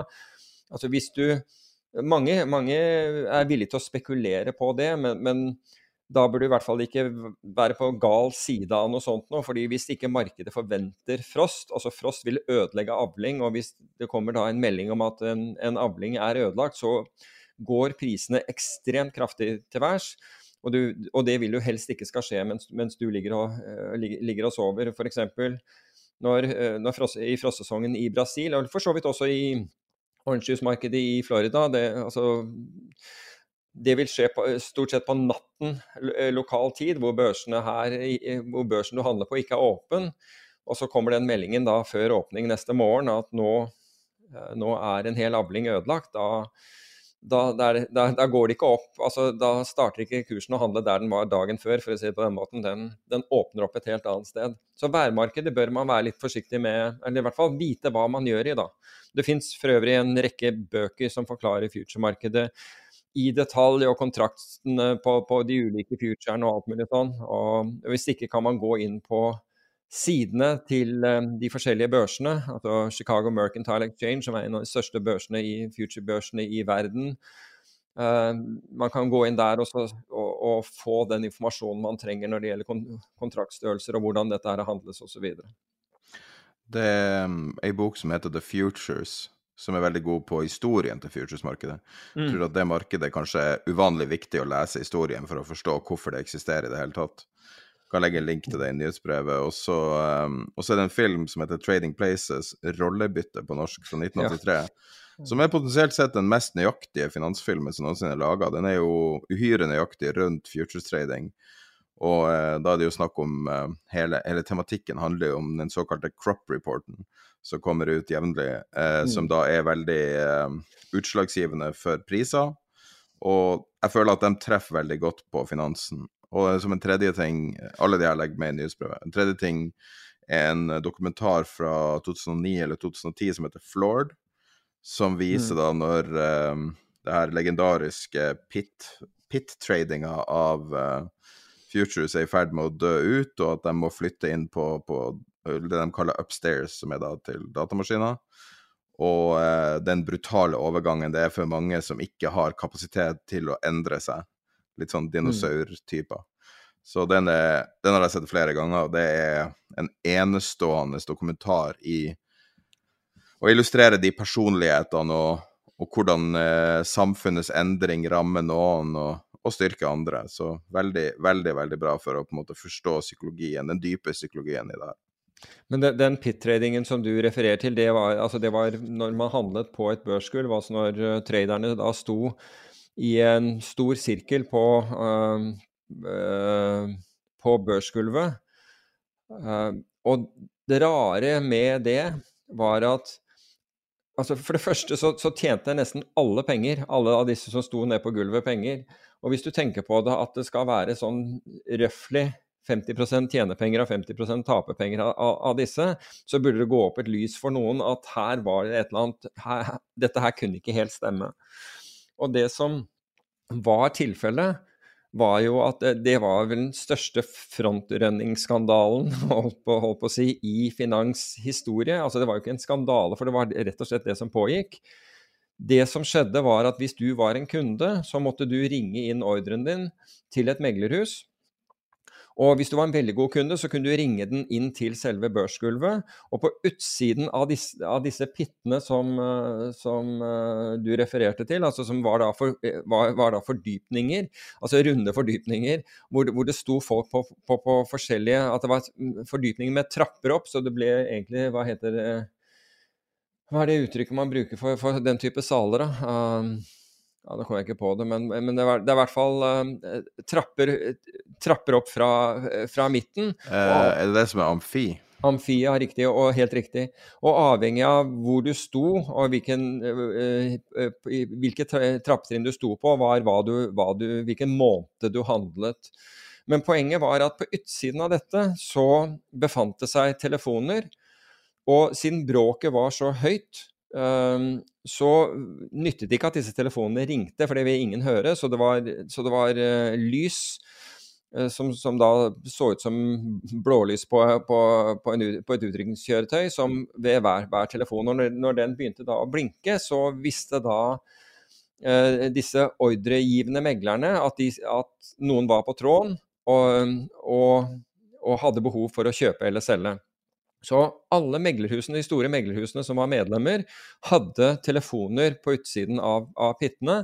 Og de telefonene, de kunne, de kunne traderne som sto nedi, de kunne se disse, disse telefonene opp til disse telefonene. Så på basis av det så visste du hvor f.eks. de mest betydningsfulle meglerhusene, ta f.eks. Goldman Sachs, du visste akkurat hvilken telefon uh, de hadde, og hvor uh, hvor eh, Refco og de andre som var store på det tidspunktet ja, Den gangen var det Chase, og så var det JP Morgan, og alle de var hver for seg. Men du visste i hvert fall hvor, hvor de betydningsfulle eh, telefonene var. Og det som skjedde, var at når de, de så det begynner å blinke borte på, på de telefonene, så, så fulgte de med, altså fulgte de med med øynene på, på, på hva som skjedde. Og da ville de se på han som gikk bort for å ta den telefonen og følge med på kroppsspråket til vedkommende. Fordi den eneste måten dette da ble signalisert til traderen deres nede på gulvet, var med håndsignaler. Men du måtte være ufattelig kjapp. Så på basis av kroppsspråket til den som tok telefonen, altså hvis han liksom så ut som han var totalt kjedet seg, så visste jo at den ordren var sannsynligvis ikke stor. Hvis han brårettet seg opp i ryggen og nærmest panikksøkende så etter traderen sin på, på, på, gulvet, så kunne du anta at den der ordren var, var, av en viss størrelse. Og det alle sto og så på nå, det var hvilken vei hånden hans til den som sto med, med tele, telefonen på det ene øret, hvilken vei hans hånd kom det håndsignalet. Og hvis det var håndflaten mot traderne, så betød det at han var selger. Hvis håndflaten var vendt innover mot, mot han selv, så ville han være kjøper. Så med en gang man leste av eh, det håndsignalet, så, så, hev de seg foran, foran ordren og begynte å, begynte å kjøpe hvis, hvis uh, ordren var kjøp, og motsatte hvis det, hvis det var salg. Og det var jo Altså, du ville aldri rett og slett. Du ville aldri få eh, beste, kjøp, beste kursen for dagen. Altså, du traff aldri en, altså Hvis du hadde ordre om å kjøpe olje på og nå tar jeg de to siste desimalene 26, og 26 var low, vil du aldri få. Det skjedde bare aldri. Men, vi, men hvis du hadde en ordre om å kjøpe på 26, Eh, og den handlet til 25, da måtte du, eh, måtte du, få. For hvis den handlet på 26, så tok traderen og puttet dette i lommen og, og, og, meldte ikke den handelen tilbake igjen. i det hele tatt. Han sto bare og kjøpte på 26 og solgte over der hele tiden så lenge det gikk an. Men med en gang den falt ned igjennom, så snudde han seg og ga den til deg på 26, fordi nå var markedet 25. Så, så det var en ekstrem frontrunning som pågikk år ut og år inn. Så at disse karene ikke fungerte når de ikke hadde den fordelen og satt bak en datamaskin og skulle handle på, på, på det, de, det, de, kun så på skjerm, og det var, det var, kurs. Det forundrer ingen, for å si det på den måten.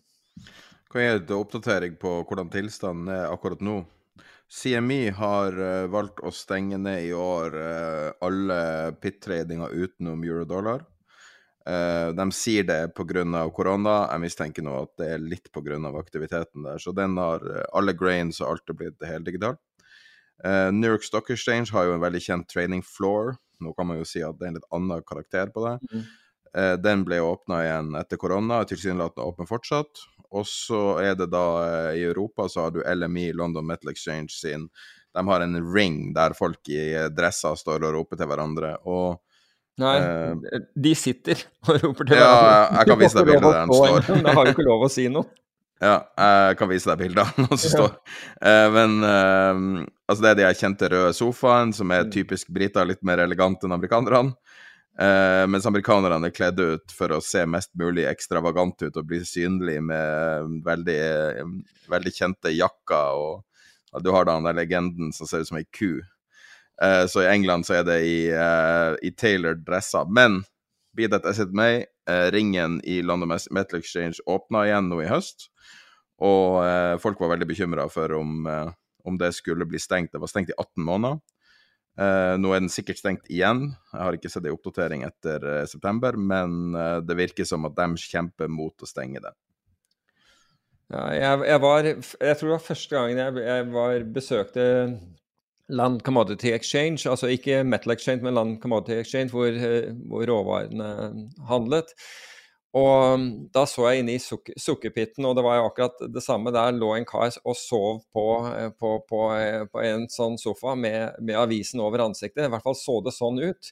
Og så sier han der eh, som, som tar meg med ned dit, fordi en av meglerne kommer bort til han og hvisker han noe, noe, i øret. Og så sier han 'følg med han under avisen nå'. Og, og i det øyeblikket det ropes ut så er han raskere enn noen annen. Altså, han ligger med ansiktet med avisen over ansiktet, ingen tror han følger med. Men i det øyeblikket denne kursen han bare venter på dette, blir, blir ropt ut, så skriker han 'mine 200', og da før noen klarer å reagere. Og, og avisen dalte ned i flak etterpå på, på rundt han, men han fikk handel. Så det var ganske imponerende. Det er jo også veldig sånn Tenk deg alle de bildene du har sett om finans. Da er det stort sett eh, den der eh, open outcry det her er, Hele det her fenomenet heter jo open outcry. Og uh, Open Outcry i Brasil er jo helt legendarisk. Jeg vet ikke om du kjenner til det visuelt, men det, det er veldig spektakulært. Og så har du Chicago, og så har du vel London. Og det her tror jeg stammer tilbake til ca. 1870, eh, de fleste der de begynte med det. og Eh, det er jo litt sånn vakkert at noen av de her finanstingene som man absolutt ikke trenger lenger i en digital verden, at det fortsatt holdes ved like. Ja, ja. Og du kan si at når du snakker om disse fargerike jakkene, de forteller hvem som klerer handlene dine. Så avhengig av hvem det er som klerer handelen din, så har du denne, her, denne her jakken eller vesten på deg, slik at, eh, at det skal gå, gå lettere. Men hvis du er egen trader, så har du vel egen jakke, er det ikke det? Ja, da, ja, men Det er ingen som er self-clearer. Da er du, du er jo clearingmedlem da, altså, da er, Hvis du er clearingmedlem selv, så da, da, Den må jo stikke seg ut fra, fra de andre. Men det som, det som uh, Identen din, det er en badge som du har på deg, som, som har uh, en, uh, en trebokstavskode. Ikke sant? Og de som har kode f.eks. FBI er litt lettere å, lettere å huske enn en, en R FK eller et eller annet sånt. Men, eh, men i hvert fall så det er Men det er som du sier, altså man må jo gjøre et eller annet for å bli For å, for å synes i den mengden. Og Standard Poors 500, som var den største pitten, eh, og, og i 1987 hadde fem Da var det 500 tradere i den pitten alene. 500 stykker. Så det er klart at uh, det å ha piggsveis og blått hår og Da måtte du bare gjøre hva som helst. Det var greit for de som var, var, var høye. Uh, de hadde jo en fordel i forhold til de som var mindre, men de som var mindre, måtte gjøre mer ut av seg. Det er helt klart. I den der Floor-dokumentaren så sier de at uh, det er ei dame som har vært der, og det er litt sånn typisk sånn Chicago-dame. De er jo ikke helt som som andre plasser i verden. De er ganske harde. De er ganske, de er ganske ja, harde, Kanskje Linda Ratty eller, eller et eller annet sånt. Men de, eh, hun, hun, mente at hennes stemme, altså hennes frekvens Jeg mener husker hun sa det, at hennes frekvens gjorde at hun ble hørt bedre. Og det er jo I jagerfly så bruker de kvinnelige stemmer fordi at man hører mer på en kvinnelig stemme, så kanskje det stemmer. Det er jo klart, det er jo klart at vi, hvis det går sprekker i vinduet når, hun, når, hun, roper, så, så, merker hun nok det på trommehinnene også. Men, ja, men jeg tror det bare det skjærer gjennom, sånn at du, du hører det bedre i en hav av mannestemmer. Ja, det gjør det men, nok. Uh, men det er jo veldig artig med Chicago, det der at du Det er jo små karer som har sine små hedgefond og, og trader for friends and family, og noen lykkes, noen feiler. Altså, det, det, er jo veldig altså, Chicago-trenerkulturen er jo den mest sjarmerende som er. Ja, altså Chicago Research and Trading, som var eh, en av de store opsjonsmarketmakerne, de, eh, deres floor-tradere var, var eh, eks-fotballspillere. Så de var ikke de minste gutta, for å si det på den måten. Og det vet jeg, for jeg kom inn i heisen sammen med de eh, en gang, og jeg hadde lommeboka fremme og var klar til å gi fra meg den, for det der så farlig ut. Jeg sa at dette her overlever ikke jeg. De, de, så direkte livsfarlige ut, de gutta. Jeg ble enda reddere når de gikk ut av heisen samme, i samme etasje som jeg gjorde, og, og når jeg gikk mot resepsjonen, så fulgte de etter. Men de tilhørte stedet. Men de så ikke tamme ut, for å si det forsiktig. Så det var en måte å løse det på, det òg. Fra fortida og historien til framtida. Så vi ja. starta denne episoden med 2021, og det her er jo da slutten på 2021, og god jul og godt nyttår og alt det der. Men da, hva kan vi vente fra neste år? Har du sett noen analyser, eller har du noen egne analyser som du vil eh... Eller vi kan, vi kan jo si det siste som skjedde før vi starta podkasten, var jo et intervju som kom ut på NRK. Vi kan jo starte med det, kanskje? Ja. Nicolai Tangen. Ja. som sier til NRK rett før vi starter at uh, oljefondet har gått opp i 25 år, og slik blir det ikke de neste 25. Helt sikker på at verdiene vil gå nedover. Nå vil jeg jo si at Når jeg leste intervjuet, så er det litt mer nyansert enn det. Han sier at noen tidspunkt vil da være negativ. Han sier ikke at eksplisitt det kommer til å falle i 25 år, men sånn er det med avisene. Selv NRK er litt tabloid der, ser det ut som. Mm. Men jeg er nå helt enig med han at jeg tror nok ikke den veksten vi har hatt de siste 25 årene nødvendigvis skal fortsette. Hva du tro. Nei, det, det, det, vil jeg også tvile sterkt på. Også fordi vi har på en måte tatt ut så mye av veksten allerede. Altså med andre ord, eh, verdiene er så høye at, eh, at vi har eh, Hva heter det for noe? vi har allerede liksom pris, Prisene tar allerede høy, høyde for, for, høy vekst. Og da, altså er, Når er det du vil stort sett gjøre det best? Jo, det er jo når markedet ikke priser inn eh, f.eks. en høy, høy, vekst, og så får du det. Da vil på en måte markedet bli overrasket. Nå som vi allerede har prist inn høy vekst, så skal det jo veldig mye uh, til uh, for at du, at du, vil fortsette å ha det. Vet du hva P-radioen til SMP er nå? Nei. 29,7. Ja, OK. Jeg, jeg, jeg, var ikke sikker på om den var altså, nå, nå, stiger jo det, det, skal jo sies at nå, nå stiger jo, øh, jo inntjeningen også, og, og forventes å, fortsatt gjøre det. Men jeg tror det som er det, det, det, er flere ting som er på en måte utfordrende. og det, det jeg tror man i hvert fall skal være oppmerksom på, det er at myndighetene trekker tilbake, altså amerikanske myndigheter, men øh, trekker tilbake stimulien, og vil da komme til, til, til, til null i, uh, i begynnelsen, utgangen av første kvartal, vel. Um, det er det ene.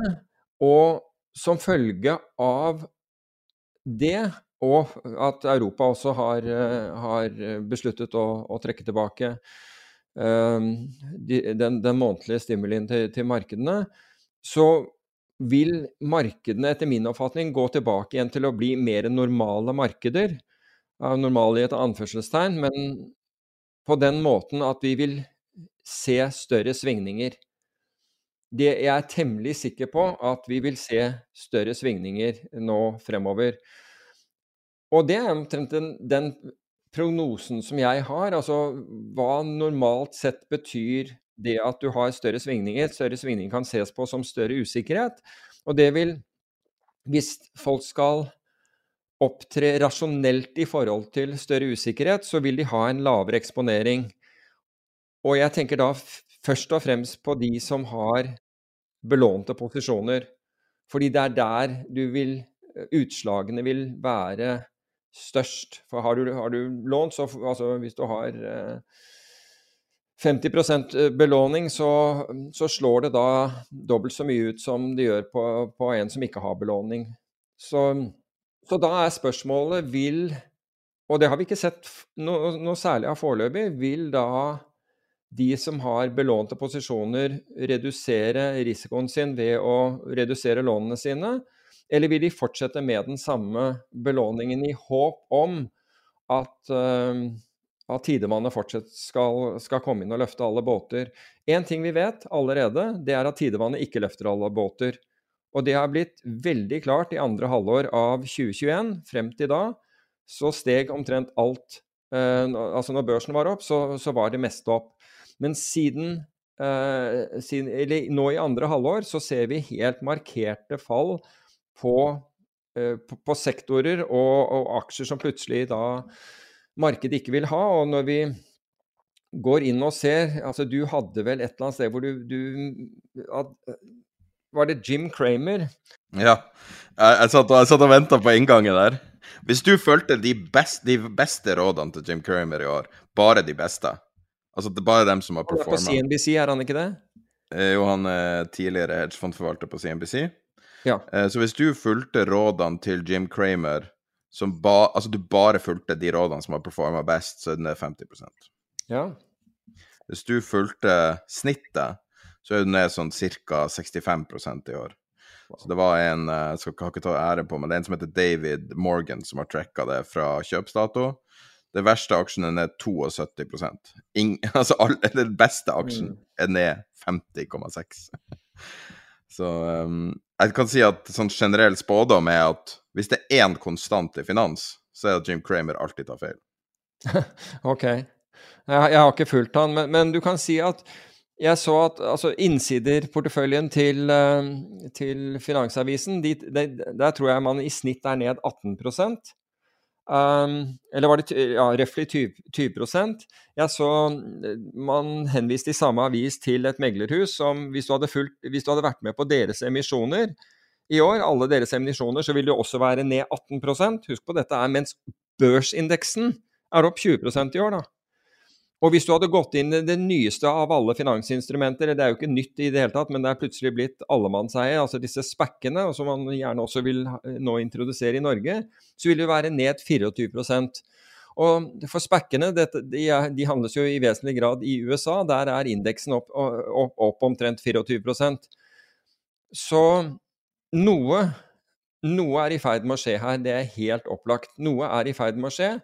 Og vi var inne på det sist gang, og jeg vet ikke om hadde du med i, i det nyhetsbrevet som vi sendte ut etter forrige episode, var den, eh, var eh, den korrelasjonsgrafen til Golden Sachs med i det? Ja, det, det tar noen sekunder å åpne det, så ja, Ok, men i, i, hvert fall, altså, korrelasjonen har falt voldsomt. Ja, det er med. Det er med. Ja, ok. Eh, så der kan da lytterne se hva vi mener. Men korrelasjonen har falt voldsomt. Altså korrelasjonen mellom aksjer har falt voldsomt og er nå eh, i, nede i noe sånt som 0,2. Uh, eh, og det er ganske betydelig. Og hvilken utfordring uh, uh, kommer som følge av det? Og det er faktisk at aktive aksjeforvaltere nå, nå, nå får du jo virkelig se hvor gode aktiv, eller dårlige eh, aktive aksjeforvaltere er. Fordi hvis man har flytt på at alle aksjer stiger, slik at du kunne bare velge risiko, altså aksjer med høy beta, og gjøre det bedre enn markedet, da har du gjort det ganske dårlig i, siste, i, i andre halvår i år. Og i hvert fall nå mot, mot ja, i andre halvår. Um, hvis du, er, men hvis du derimot er en veldig god aktiv forvalter, så har du antageligvis klart deg godt i den, der, i, i den perioden. Det kan være andre, andre, faktorer også, men det vi vet, er jo at de fleste, altså nå, nå snakker jeg på global basis, aktive forvaltere gjør det dårligere enn gjennomsnittet av markedet, og gjennomsnittet av markedet er da det indeksene gjør. Når du sier det, kan jeg stille deg et spørsmål, da? Som vi mm. faker nå at jeg stiller deg for første gang fordi at jeg stilte det samme spørsmålet, eller Vi diskuterte ganske heftig før vi starta, kan man si. Eh, da var spørsmålet er Tangen sier han forventer at oljefondet skal bli mindre. Nå er jo det overskrifta. Han forventer ikke at oljefondet skal falle nødvendigvis i 25 år, men han forventer turbulens. Og når man har konstruert oljefondet i sin tid, så var det strukturert som et hedgefond men i praksis er det et aksjefond, et indeksfond, som eier alt. Og da er spørsmålet, hvis man hadde endra mandatet til oljefondet, at de kunne ha hedgestrategier, f.eks. via opsjoner. For det første så ville jo det sikkert vært signifikant på verdensbasis pga. deres størrelse. Men og, og, politisk umulig å gjennomføre fordi at det vil bli sett på som eh, grov spekulasjon og, og, og bli rik på andre sin elendighet, noe det ikke er i det hele tatt, men det vil garantert bli tolka sånn. Men hadde det vært gjennomførbart, og had, kunne man ha økt uh, meravkastninga til oljefondet på den måten? Altså Det betinger jo for det første at du er dyktig på akkurat, akkurat den biten der, altså på hedging-biten. Um, hvis du systematisk uh, hedger Ehm, aksjene dine med opsjoner, så vil du gjøre det dårligere enn en aksjemarkedet. Hvis du systematisk gjør det fordi, det en, fordi forsikringen koster. Um, du vil selvfølgelig gjøre det mye bedre i, i nedgangsperioder. Uh, men for, altså hvis oljefondet ønsket å gjøre det, så måtte det jo være at man gjorde det på en eller annen form for selektiv uh, basis, eller at man hadde en spesiell uh, strategi rundt det. Men det er vanskelig for en investor som er så stor, og, og gjøre det. De, altså de måtte jo i, i, i tilfelle, og det vil jo være naturlig også, at de gjorde det på, på enkelte indekser. Men da vil du med en gang få en, en, en, tracking error i forhold til indeksen. Og det kan man jo ikke ha, for da, det er jo en av de tingene som man, man følger med på oljefondet, at de ikke skal ha noe tracking error. Så du måtte jo i tilfelle ha endret forutsetningene for investeringene i, i fondet. Gjort øh, utfallene deres mer subjektive, det, og det ønsker man jo ikke. Um, det ville gjort medarbeiderne kanskje enda mer verdifulle, fordi, rett og slett fordi de gjorde mer, mer aktive valg. Og det er ikke noe bra politisk. Jeg tror det er svært vanskelig for, for oljefondet å gjøre det. Tangen hadde jo vært kompetent som leder av et sånt fond, med tanke på at han har leda et hedgefond. Ja, det, det tror jeg absolutt. Men du kan si at man har jo ikke uh, lagt vekt på å styrke den type kompetanse i selve organisasjonen. Så da måtte man jo på en måte gjort en del, uh, en del endringer der. Altså jeg tror jo, og dette har vi vært inne på før, fordi jeg syns Tangen gjorde noe veldig smart med AKO da han fortsatt var der, nemlig at man delte opp long- og short-porteføljen, altså AKO som et long-short-fond. altså i hvert fall Det ene var et long-short-fond, hvor Long-delen av porteføljen ble håndtert av én forvalter, og short-porteføljen av en helt annen. Så han som, og det, det, er rett og slett for at man ikke skulle ha en sånn dissonans i forhold til hva man mente om, om markedet. Så short-forvalteren har da som eneste jobb å prøve å finne de beste short-kandidatene, altså selskaper som da man mener er, er kraftig overpriset og lage en portefølje av de, og trenger ikke egentlig å tenke på, på, på andre ting enn en, en akkurat det. På samme måte så tror jeg at hvis du skal drive aktiv hedging, uh, så kreves det spesialkompetanse, og man burde da sannsynligvis ha en gruppe som bare hadde det som mandat, og prøve å finne de mest effektive, og da tenker jeg ikke bare sånn utslagsmessig i markedet, men også kostnadseffektive måtene Eh, man, man, kan, man, kunne sikre porteføljen på når man skulle gjøre det, og eventuelt lage da også et beslutningsgrunnlag for når skulle man gjøre det. Når, når anvender man, eh, man, hedger. Fordi hedging av, av, aktiva er et eget fag. Og du ser de som gjør det med venstre hånd, det går som regel, regel ikke bra. Og, gjør, og, når noen føler at de må gjøre det, så er det som, sannsynligvis Da har de tapt så mye penger allerede at hedgingen én blir ikke, blir ikke uh, særlig effektiv, og, og to Investorene er så misfornøyd, misfornøyd, allerede at de kommer til å forlate skuta. Det vil jo ikke skje med, med, med, med oljefondet, men jeg kan jo tenke meg at når når uh, da de regjerende myndigheter finner ut at, uh, og, at, her må man gjøre noe fordi oljefondet har hatt uh, gud forby så store tap, det vil antageligvis være tett på bunnen av en, av en krise, og ikke, og ikke, før den inntreffer, for å si det på den måten. Nei, og det var vel det som, når de endra allokeringen til oljefondet i forkant av finanskrisa, som da var en, en ting som tok så lang tid at det var bare flaks at det skjedde rett før finanskrisa. Ja, det var helt eh. tilfeldig at, den, at, eh, det mulighet, at, det var mulig for dem å kjøpe om veldig nær bunnen i finanskrisen. Du kan si at Hadde den krisen begynt, så hadde jo definitivt neppe noen klart å vedta at man skulle øke aksjeandelen. Det hadde vært helt utenkelig, fordi man syntes tapene allerede da var for store.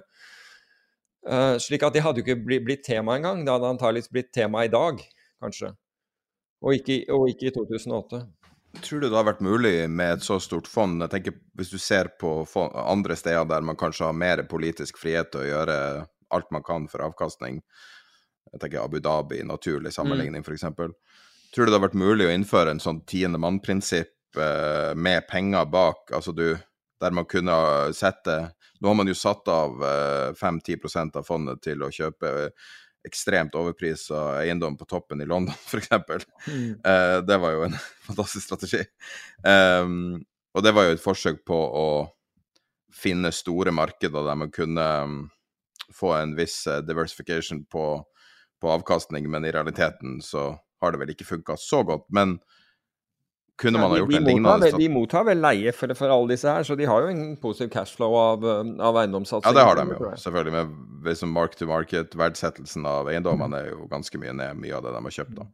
Både London og New York. Men kunne man ha gjort noe tilsvarende med å sette av 5% av porteføljen til å gjøre konsekvent ultra-bearish uh, uh, hedger? Uh, ja, du kunne nok det. Eksempelvis vært... strøm. Du innleda med strøm, ikke sant? Ja. Kunne de ha da gjort den analysen og si at hei, her er strømprisen på et så lavt nivå at alle taper penger, og Putin sitter klar til å utnytte enhver situasjon? ja. Det hadde nok vært altså Nå har jo ikke de et råvaremandat, men man kunne jo tenke seg at man kunne gjøre det. Hvis du, du, nevnte, du nevnte, Adia, eller Adik, altså, eller i hvert fall du refererte til Abu Dhabi. Og de plasserer jo penger med en rekke hedgefondforvaltere som ikke har beta. Altså hvor, hvor uh, det at tidevannet kommer inn og løfter alle båter, ikke er en del av, av, uh, av inntjeningen deres. Så, så, det er jo flere oljefond som, som, gjør det på den måten, som plasserer penger ut til forvaltere som er nøye valgt ut nettopp fordi de ikke eh, leverer beta. De som, altså Millennium har jo, har jo penger fra fra uh, statlige fond. Og er det én ting du ikke får lov å ha i, i, uh, i Millennium, altså etter 59 milliarder dollar store hedgefondet, så er det beta.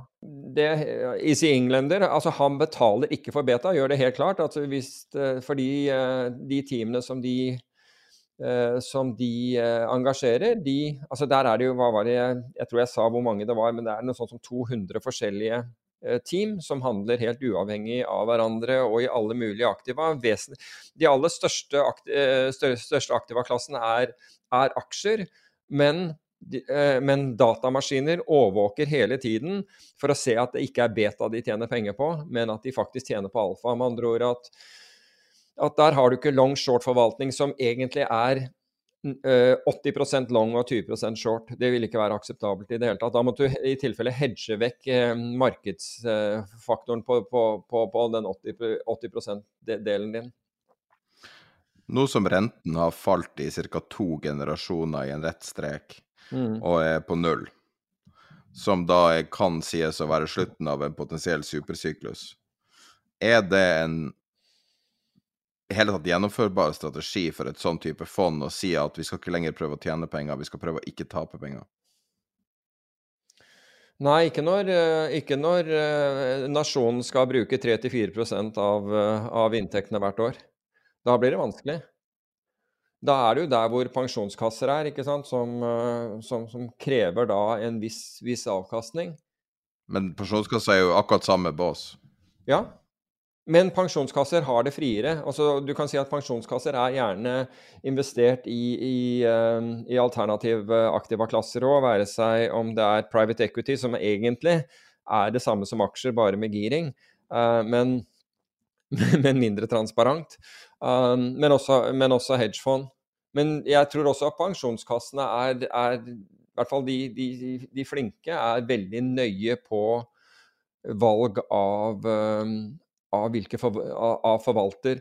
Og det jeg må, må, må, si, er at det mer jeg ser på hedgefondindekser, og, og, og Hedge Nordic sin spesielt, så begynner jo den å ha flere og flere long only-forvaltere med giring, og som ikke er hedgefond, og etter min oppfatning ikke har noe der å gjøre i det hele tatt. Og det, altså det, det, er, et, det, er, sånn, er, et, dårlig tegn for meg når, når en indeks over hedgefond begynner å ta inn long only-forvaltere, det, det er, ofte et topptegn, altså, for å si det på den måten. Det er sånn, I hvert fall er det sent i sykelen hvor sånt dukker opp. For det betyr at når dette begynner å gå nedover, så kommer, så kommer hedgefond tilsynelatende fordi de gjør det så dårlig. De faller med markedet. og det, altså Gå tilbake til 2000 uh, Unnskyld, til uh, til mars 2020 og gå gjennom og se på hva, hvordan det gikk med noen av disse fondene som, som, har gjort det best i år så var de saftig ned i mars 2020. Og det forteller alt, alt om hvor, hvor, avkastningen deres kommer fra. Man kan jo kanskje si at moderne finans, alt som vi kjenner i dag som finans, ble til i løpet av de siste 40 årene. I perioden med fallende renter. Så alt er Alt er tufta på fallende renter. Alt er tufta på den justeringa. Må vi revurdere alt fordi at vi kanskje er ferdig med denne epoken? Ja, vi har fortsatt, vi har fortsatt forholdsvis lave renter. Vi har negative realrenter som, som tilsier at Altså, du har lav rente og negativ realrente, noe som til, og, og, og det, det, er ikke vanskelig å få kreditt. Og det betyr jo egentlig at du fortsatt skal egentlig låne og putte penger i aktiva. Fordi, du, fordi aktiva stiger mer i verdi gjennom inflasjon enn det du betaler i renter. Så det er, det er ikke som vi gjør noe for å redusere risiko på, på liksom sentralbanknivå. Og det er jo først når du gjør kreditt mindre tilgjengelig men kredit, Altså, du trenger kreditt for, for, å vokse, men i hvert fall gjør det litt vanskeligere til, tilgjengelig, og renten reflekterer øh, inflasjon og mere, at, at, ting begynner virkelig å, å, å stramme seg inn her. Så for, foreløpig så er det jo liksom Goldilocks i det, så lenge markedene, altså de, de aktivaene du putter penger i, fortsetter å stige. Men i det øyeblikket dette reverseres, så, så ser det jo veldig, uh, veldig annerledes ut. Og En av de billigste, altså de billigste hedgene dine altså Se på Europa? Se, på, se på Tyskland, hvor, hvor, hvor, inflasjonen er skyhøy i øyeblikket, men fortsatt så, så kjører du med negative renter. Altså der er det jo renteinstrumenter som, som etter min oppfatning så, Vi har snakket om uh, tiåringen, men også kortere renteinstrumenter som man burde rett og slett være short fordi du får penger for å være short dem. Altså I og med at de har negativ rente, så betales du for å være short disse, disse, uh, disse rentene. Og hvis det plutselig kommer en, en situasjon hvor myndighetene må revurdere Altså rett og slett, De innser at de kan ikke holde rentene så lave lenger. De må begynne å å sette dem opp. Altså du, du ikke får en Japan-situasjon. Og det er ingenting som tyder på at Europa får en, får en Japan-situasjon. Så kommer disse rentene etter, og da, er, da, vil du tjene mye penger på, på, på å være short uh, disse korte rentepapirene. Jeg føler at det er en litt sånn symmetri i denne episoden som vi ikke hadde tenkt på. Um, du snakker om årsakene til strømkrisa vi opplever nå og det overgangen til det grønne skiftet, noe som er ganske opplest og vedtatt, ikke i politisk uh, mening sånn sett. Det, det, bare er. Det er sånn det er. Mm. Uh, eh, BBC uh, eh, har jo sånne do dokumentarer på radio, og de har en, nå en serie om energi. Og de hadde en episode for et par dager siden som handler om altså um, tradisjonell energi som kull og, og olje og lignende ting, og hva det har betydd for verden, uten å ta standpunkt i, i det miljøuvennlige. Og de hadde en interessant refleksjon der det var en professor som sier at en økonomi er egentlig energi overført fra en, eh, en type til en annen. Og den høyeste konsentrasjonen av energi vi har, eh, vi har funnet, er olje, kull og lignende ting som slipper ut karbonene. Eh, CO2. Og, eh, og da stiller jeg spørsmålet er det en viss symmetri i at uh, akkurat når vi går over til å gå bort fra olje, gå bort fra kull, gå bort fra de tingene, så begynner vi plutselig å oppleve at hele denne verden vi har bygd opp med hypervekst, og at uh, ungene får en vesentlig bedre, et bedre liv enn en foreldrene osv. At det kanskje er nettopp at vi går bort fra olje og kull og de tingene som er grunnen til at det begynner å slutte nå og vi får plutselig høye strømpriser over natta, og vi skjønner ingenting, og begynner, alle begynner å krangle på og skylde på hverandre og alt mulig. Skjønner du hvor jeg vil hen? Ja, jeg skjønner hvor du vil. Jeg måtte bare tenke meg litt om. Jeg tror det er, sammen, jeg tror det er sammenfall av flere ting. Jeg tror den ene er jo da flaskehalser som, som oppsto i forbindelse med, med, covid, og den andre er den du, eh, du, påpeker. Og begge, altså de virker jo De to virker jo uavhengig av hverandre, eh, men, men begge har stor betydning for, for økonomien. Jeg leste her i helgen at, eh, at nå altså, tyske bilprodusenter setter opp, setter opp prisene på, på, på, bilene rett og slett fordi de kan. Og de kan ta større marginer fordi de ser etterspørselen er der. altså Penger er billig, og, og ingen egentlig bryr seg, så det er bare å kjøre opp, opp eh, prisene. Og i Norge så har liksom elbiler nå, mange elbiler, eller i hvert fall flere, begynner nå å, altså, å koste godt over en million kroner til tross for, eh, for avgiftslette. Altså, det, det, har skjedd noe der. Altså. Det har skjedd, altså det, inflasjonen kommer voldsomt, og den kommer fort. Og det virker ikke på meg som man, man tar dette her, eh, at man tar det inn over seg, hvor mye det, det, kommer til å bety. Så er det jo selvfølgelig de landene, USA blant dem, som har en veldig høy gjeld. Så er jo inflasjon en måte å, en måte, å, å redusere den gjelden, altså nominelt redusere den, den, gjelden, fremfor det å spare mer eller å øke produktivitet. Så det er ikke sikkert at alle er så, så imot inflasjon, men på et eller annet nivå så er det jo det. Men tenk hvis kull og olje er den hemmelige motoren bak alt det her. Den usynlige motoren. Ja. Ja, det er en av dem, i hvert fall. En av motorene. Det er ingen, ingen tvil. Og Det er derfor det forbauser meg at det ikke er gjort større eller mer analyser. Nå snakker jeg ikke om på myndighetsnivå, nå snakker jeg sånn, i finansmarkedene på, på kostnadene som vi får ved, ved økte energipriser. Du, du ser, altså Ta f.eks. fremstilling av, uh, av uh, aluminium, uh, stål, sink. Alle disse tingene som, som, trenger, som, trenger, strøm, altså elektrisitet, hvor det er en av de store innsatsfaktorene. Altså, Prisene kommer til å stige voldsomt på dem. De for øvrig, altså Hedgefondene som har gjort det best i år, det er jo hedgefond som er opp godt over 100% de har alle sett denne, de mulighetene som har vært enten innenfor um, energimarkedene eller innenfor frakt. Det er der de har konsentrert seg. Så, så no, noen har tydeligvis noen har gjort analysen sin, for å si det på den måten. Så nå eh, er markedet i USA i ferd med å starte, og denne episoden er over. 2021 er over. Og da må vi selvfølgelig avslutte med et favorittspørsmål. Er du bullish eller bearish? Jeg er bullish på at uh, jeg, er veldig bullish på at, man, at, vi klarer oss. Jeg er det, for jeg, jeg, tror vi har evnen til å tilpasse. altså Det gjelder investorer og andre. altså Noen vil alltid eh, ikke klare det eh, fordi de har tatt for mye risiko. Men jeg er, jeg er positiv nettopp til at at man klarer å tilpasse seg. At de aller fleste vil klare å, å, å, tilpasse seg. Og om det blir litt strammere tider, det gjør det jo bare, bare på basis av strømprisene, så, så, tror jeg at vi også klarer å tilpasse oss uh, det. Og i tillegg så har myndighetene alle, uh, og, altså både økonomien og muligheten til, til, å, til, å, hjelpe. Det var det for Tid er penger i 2021.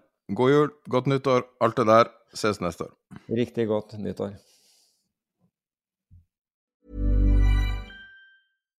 Why don't more infant formula companies use organic, grass-fed whole milk instead of skim?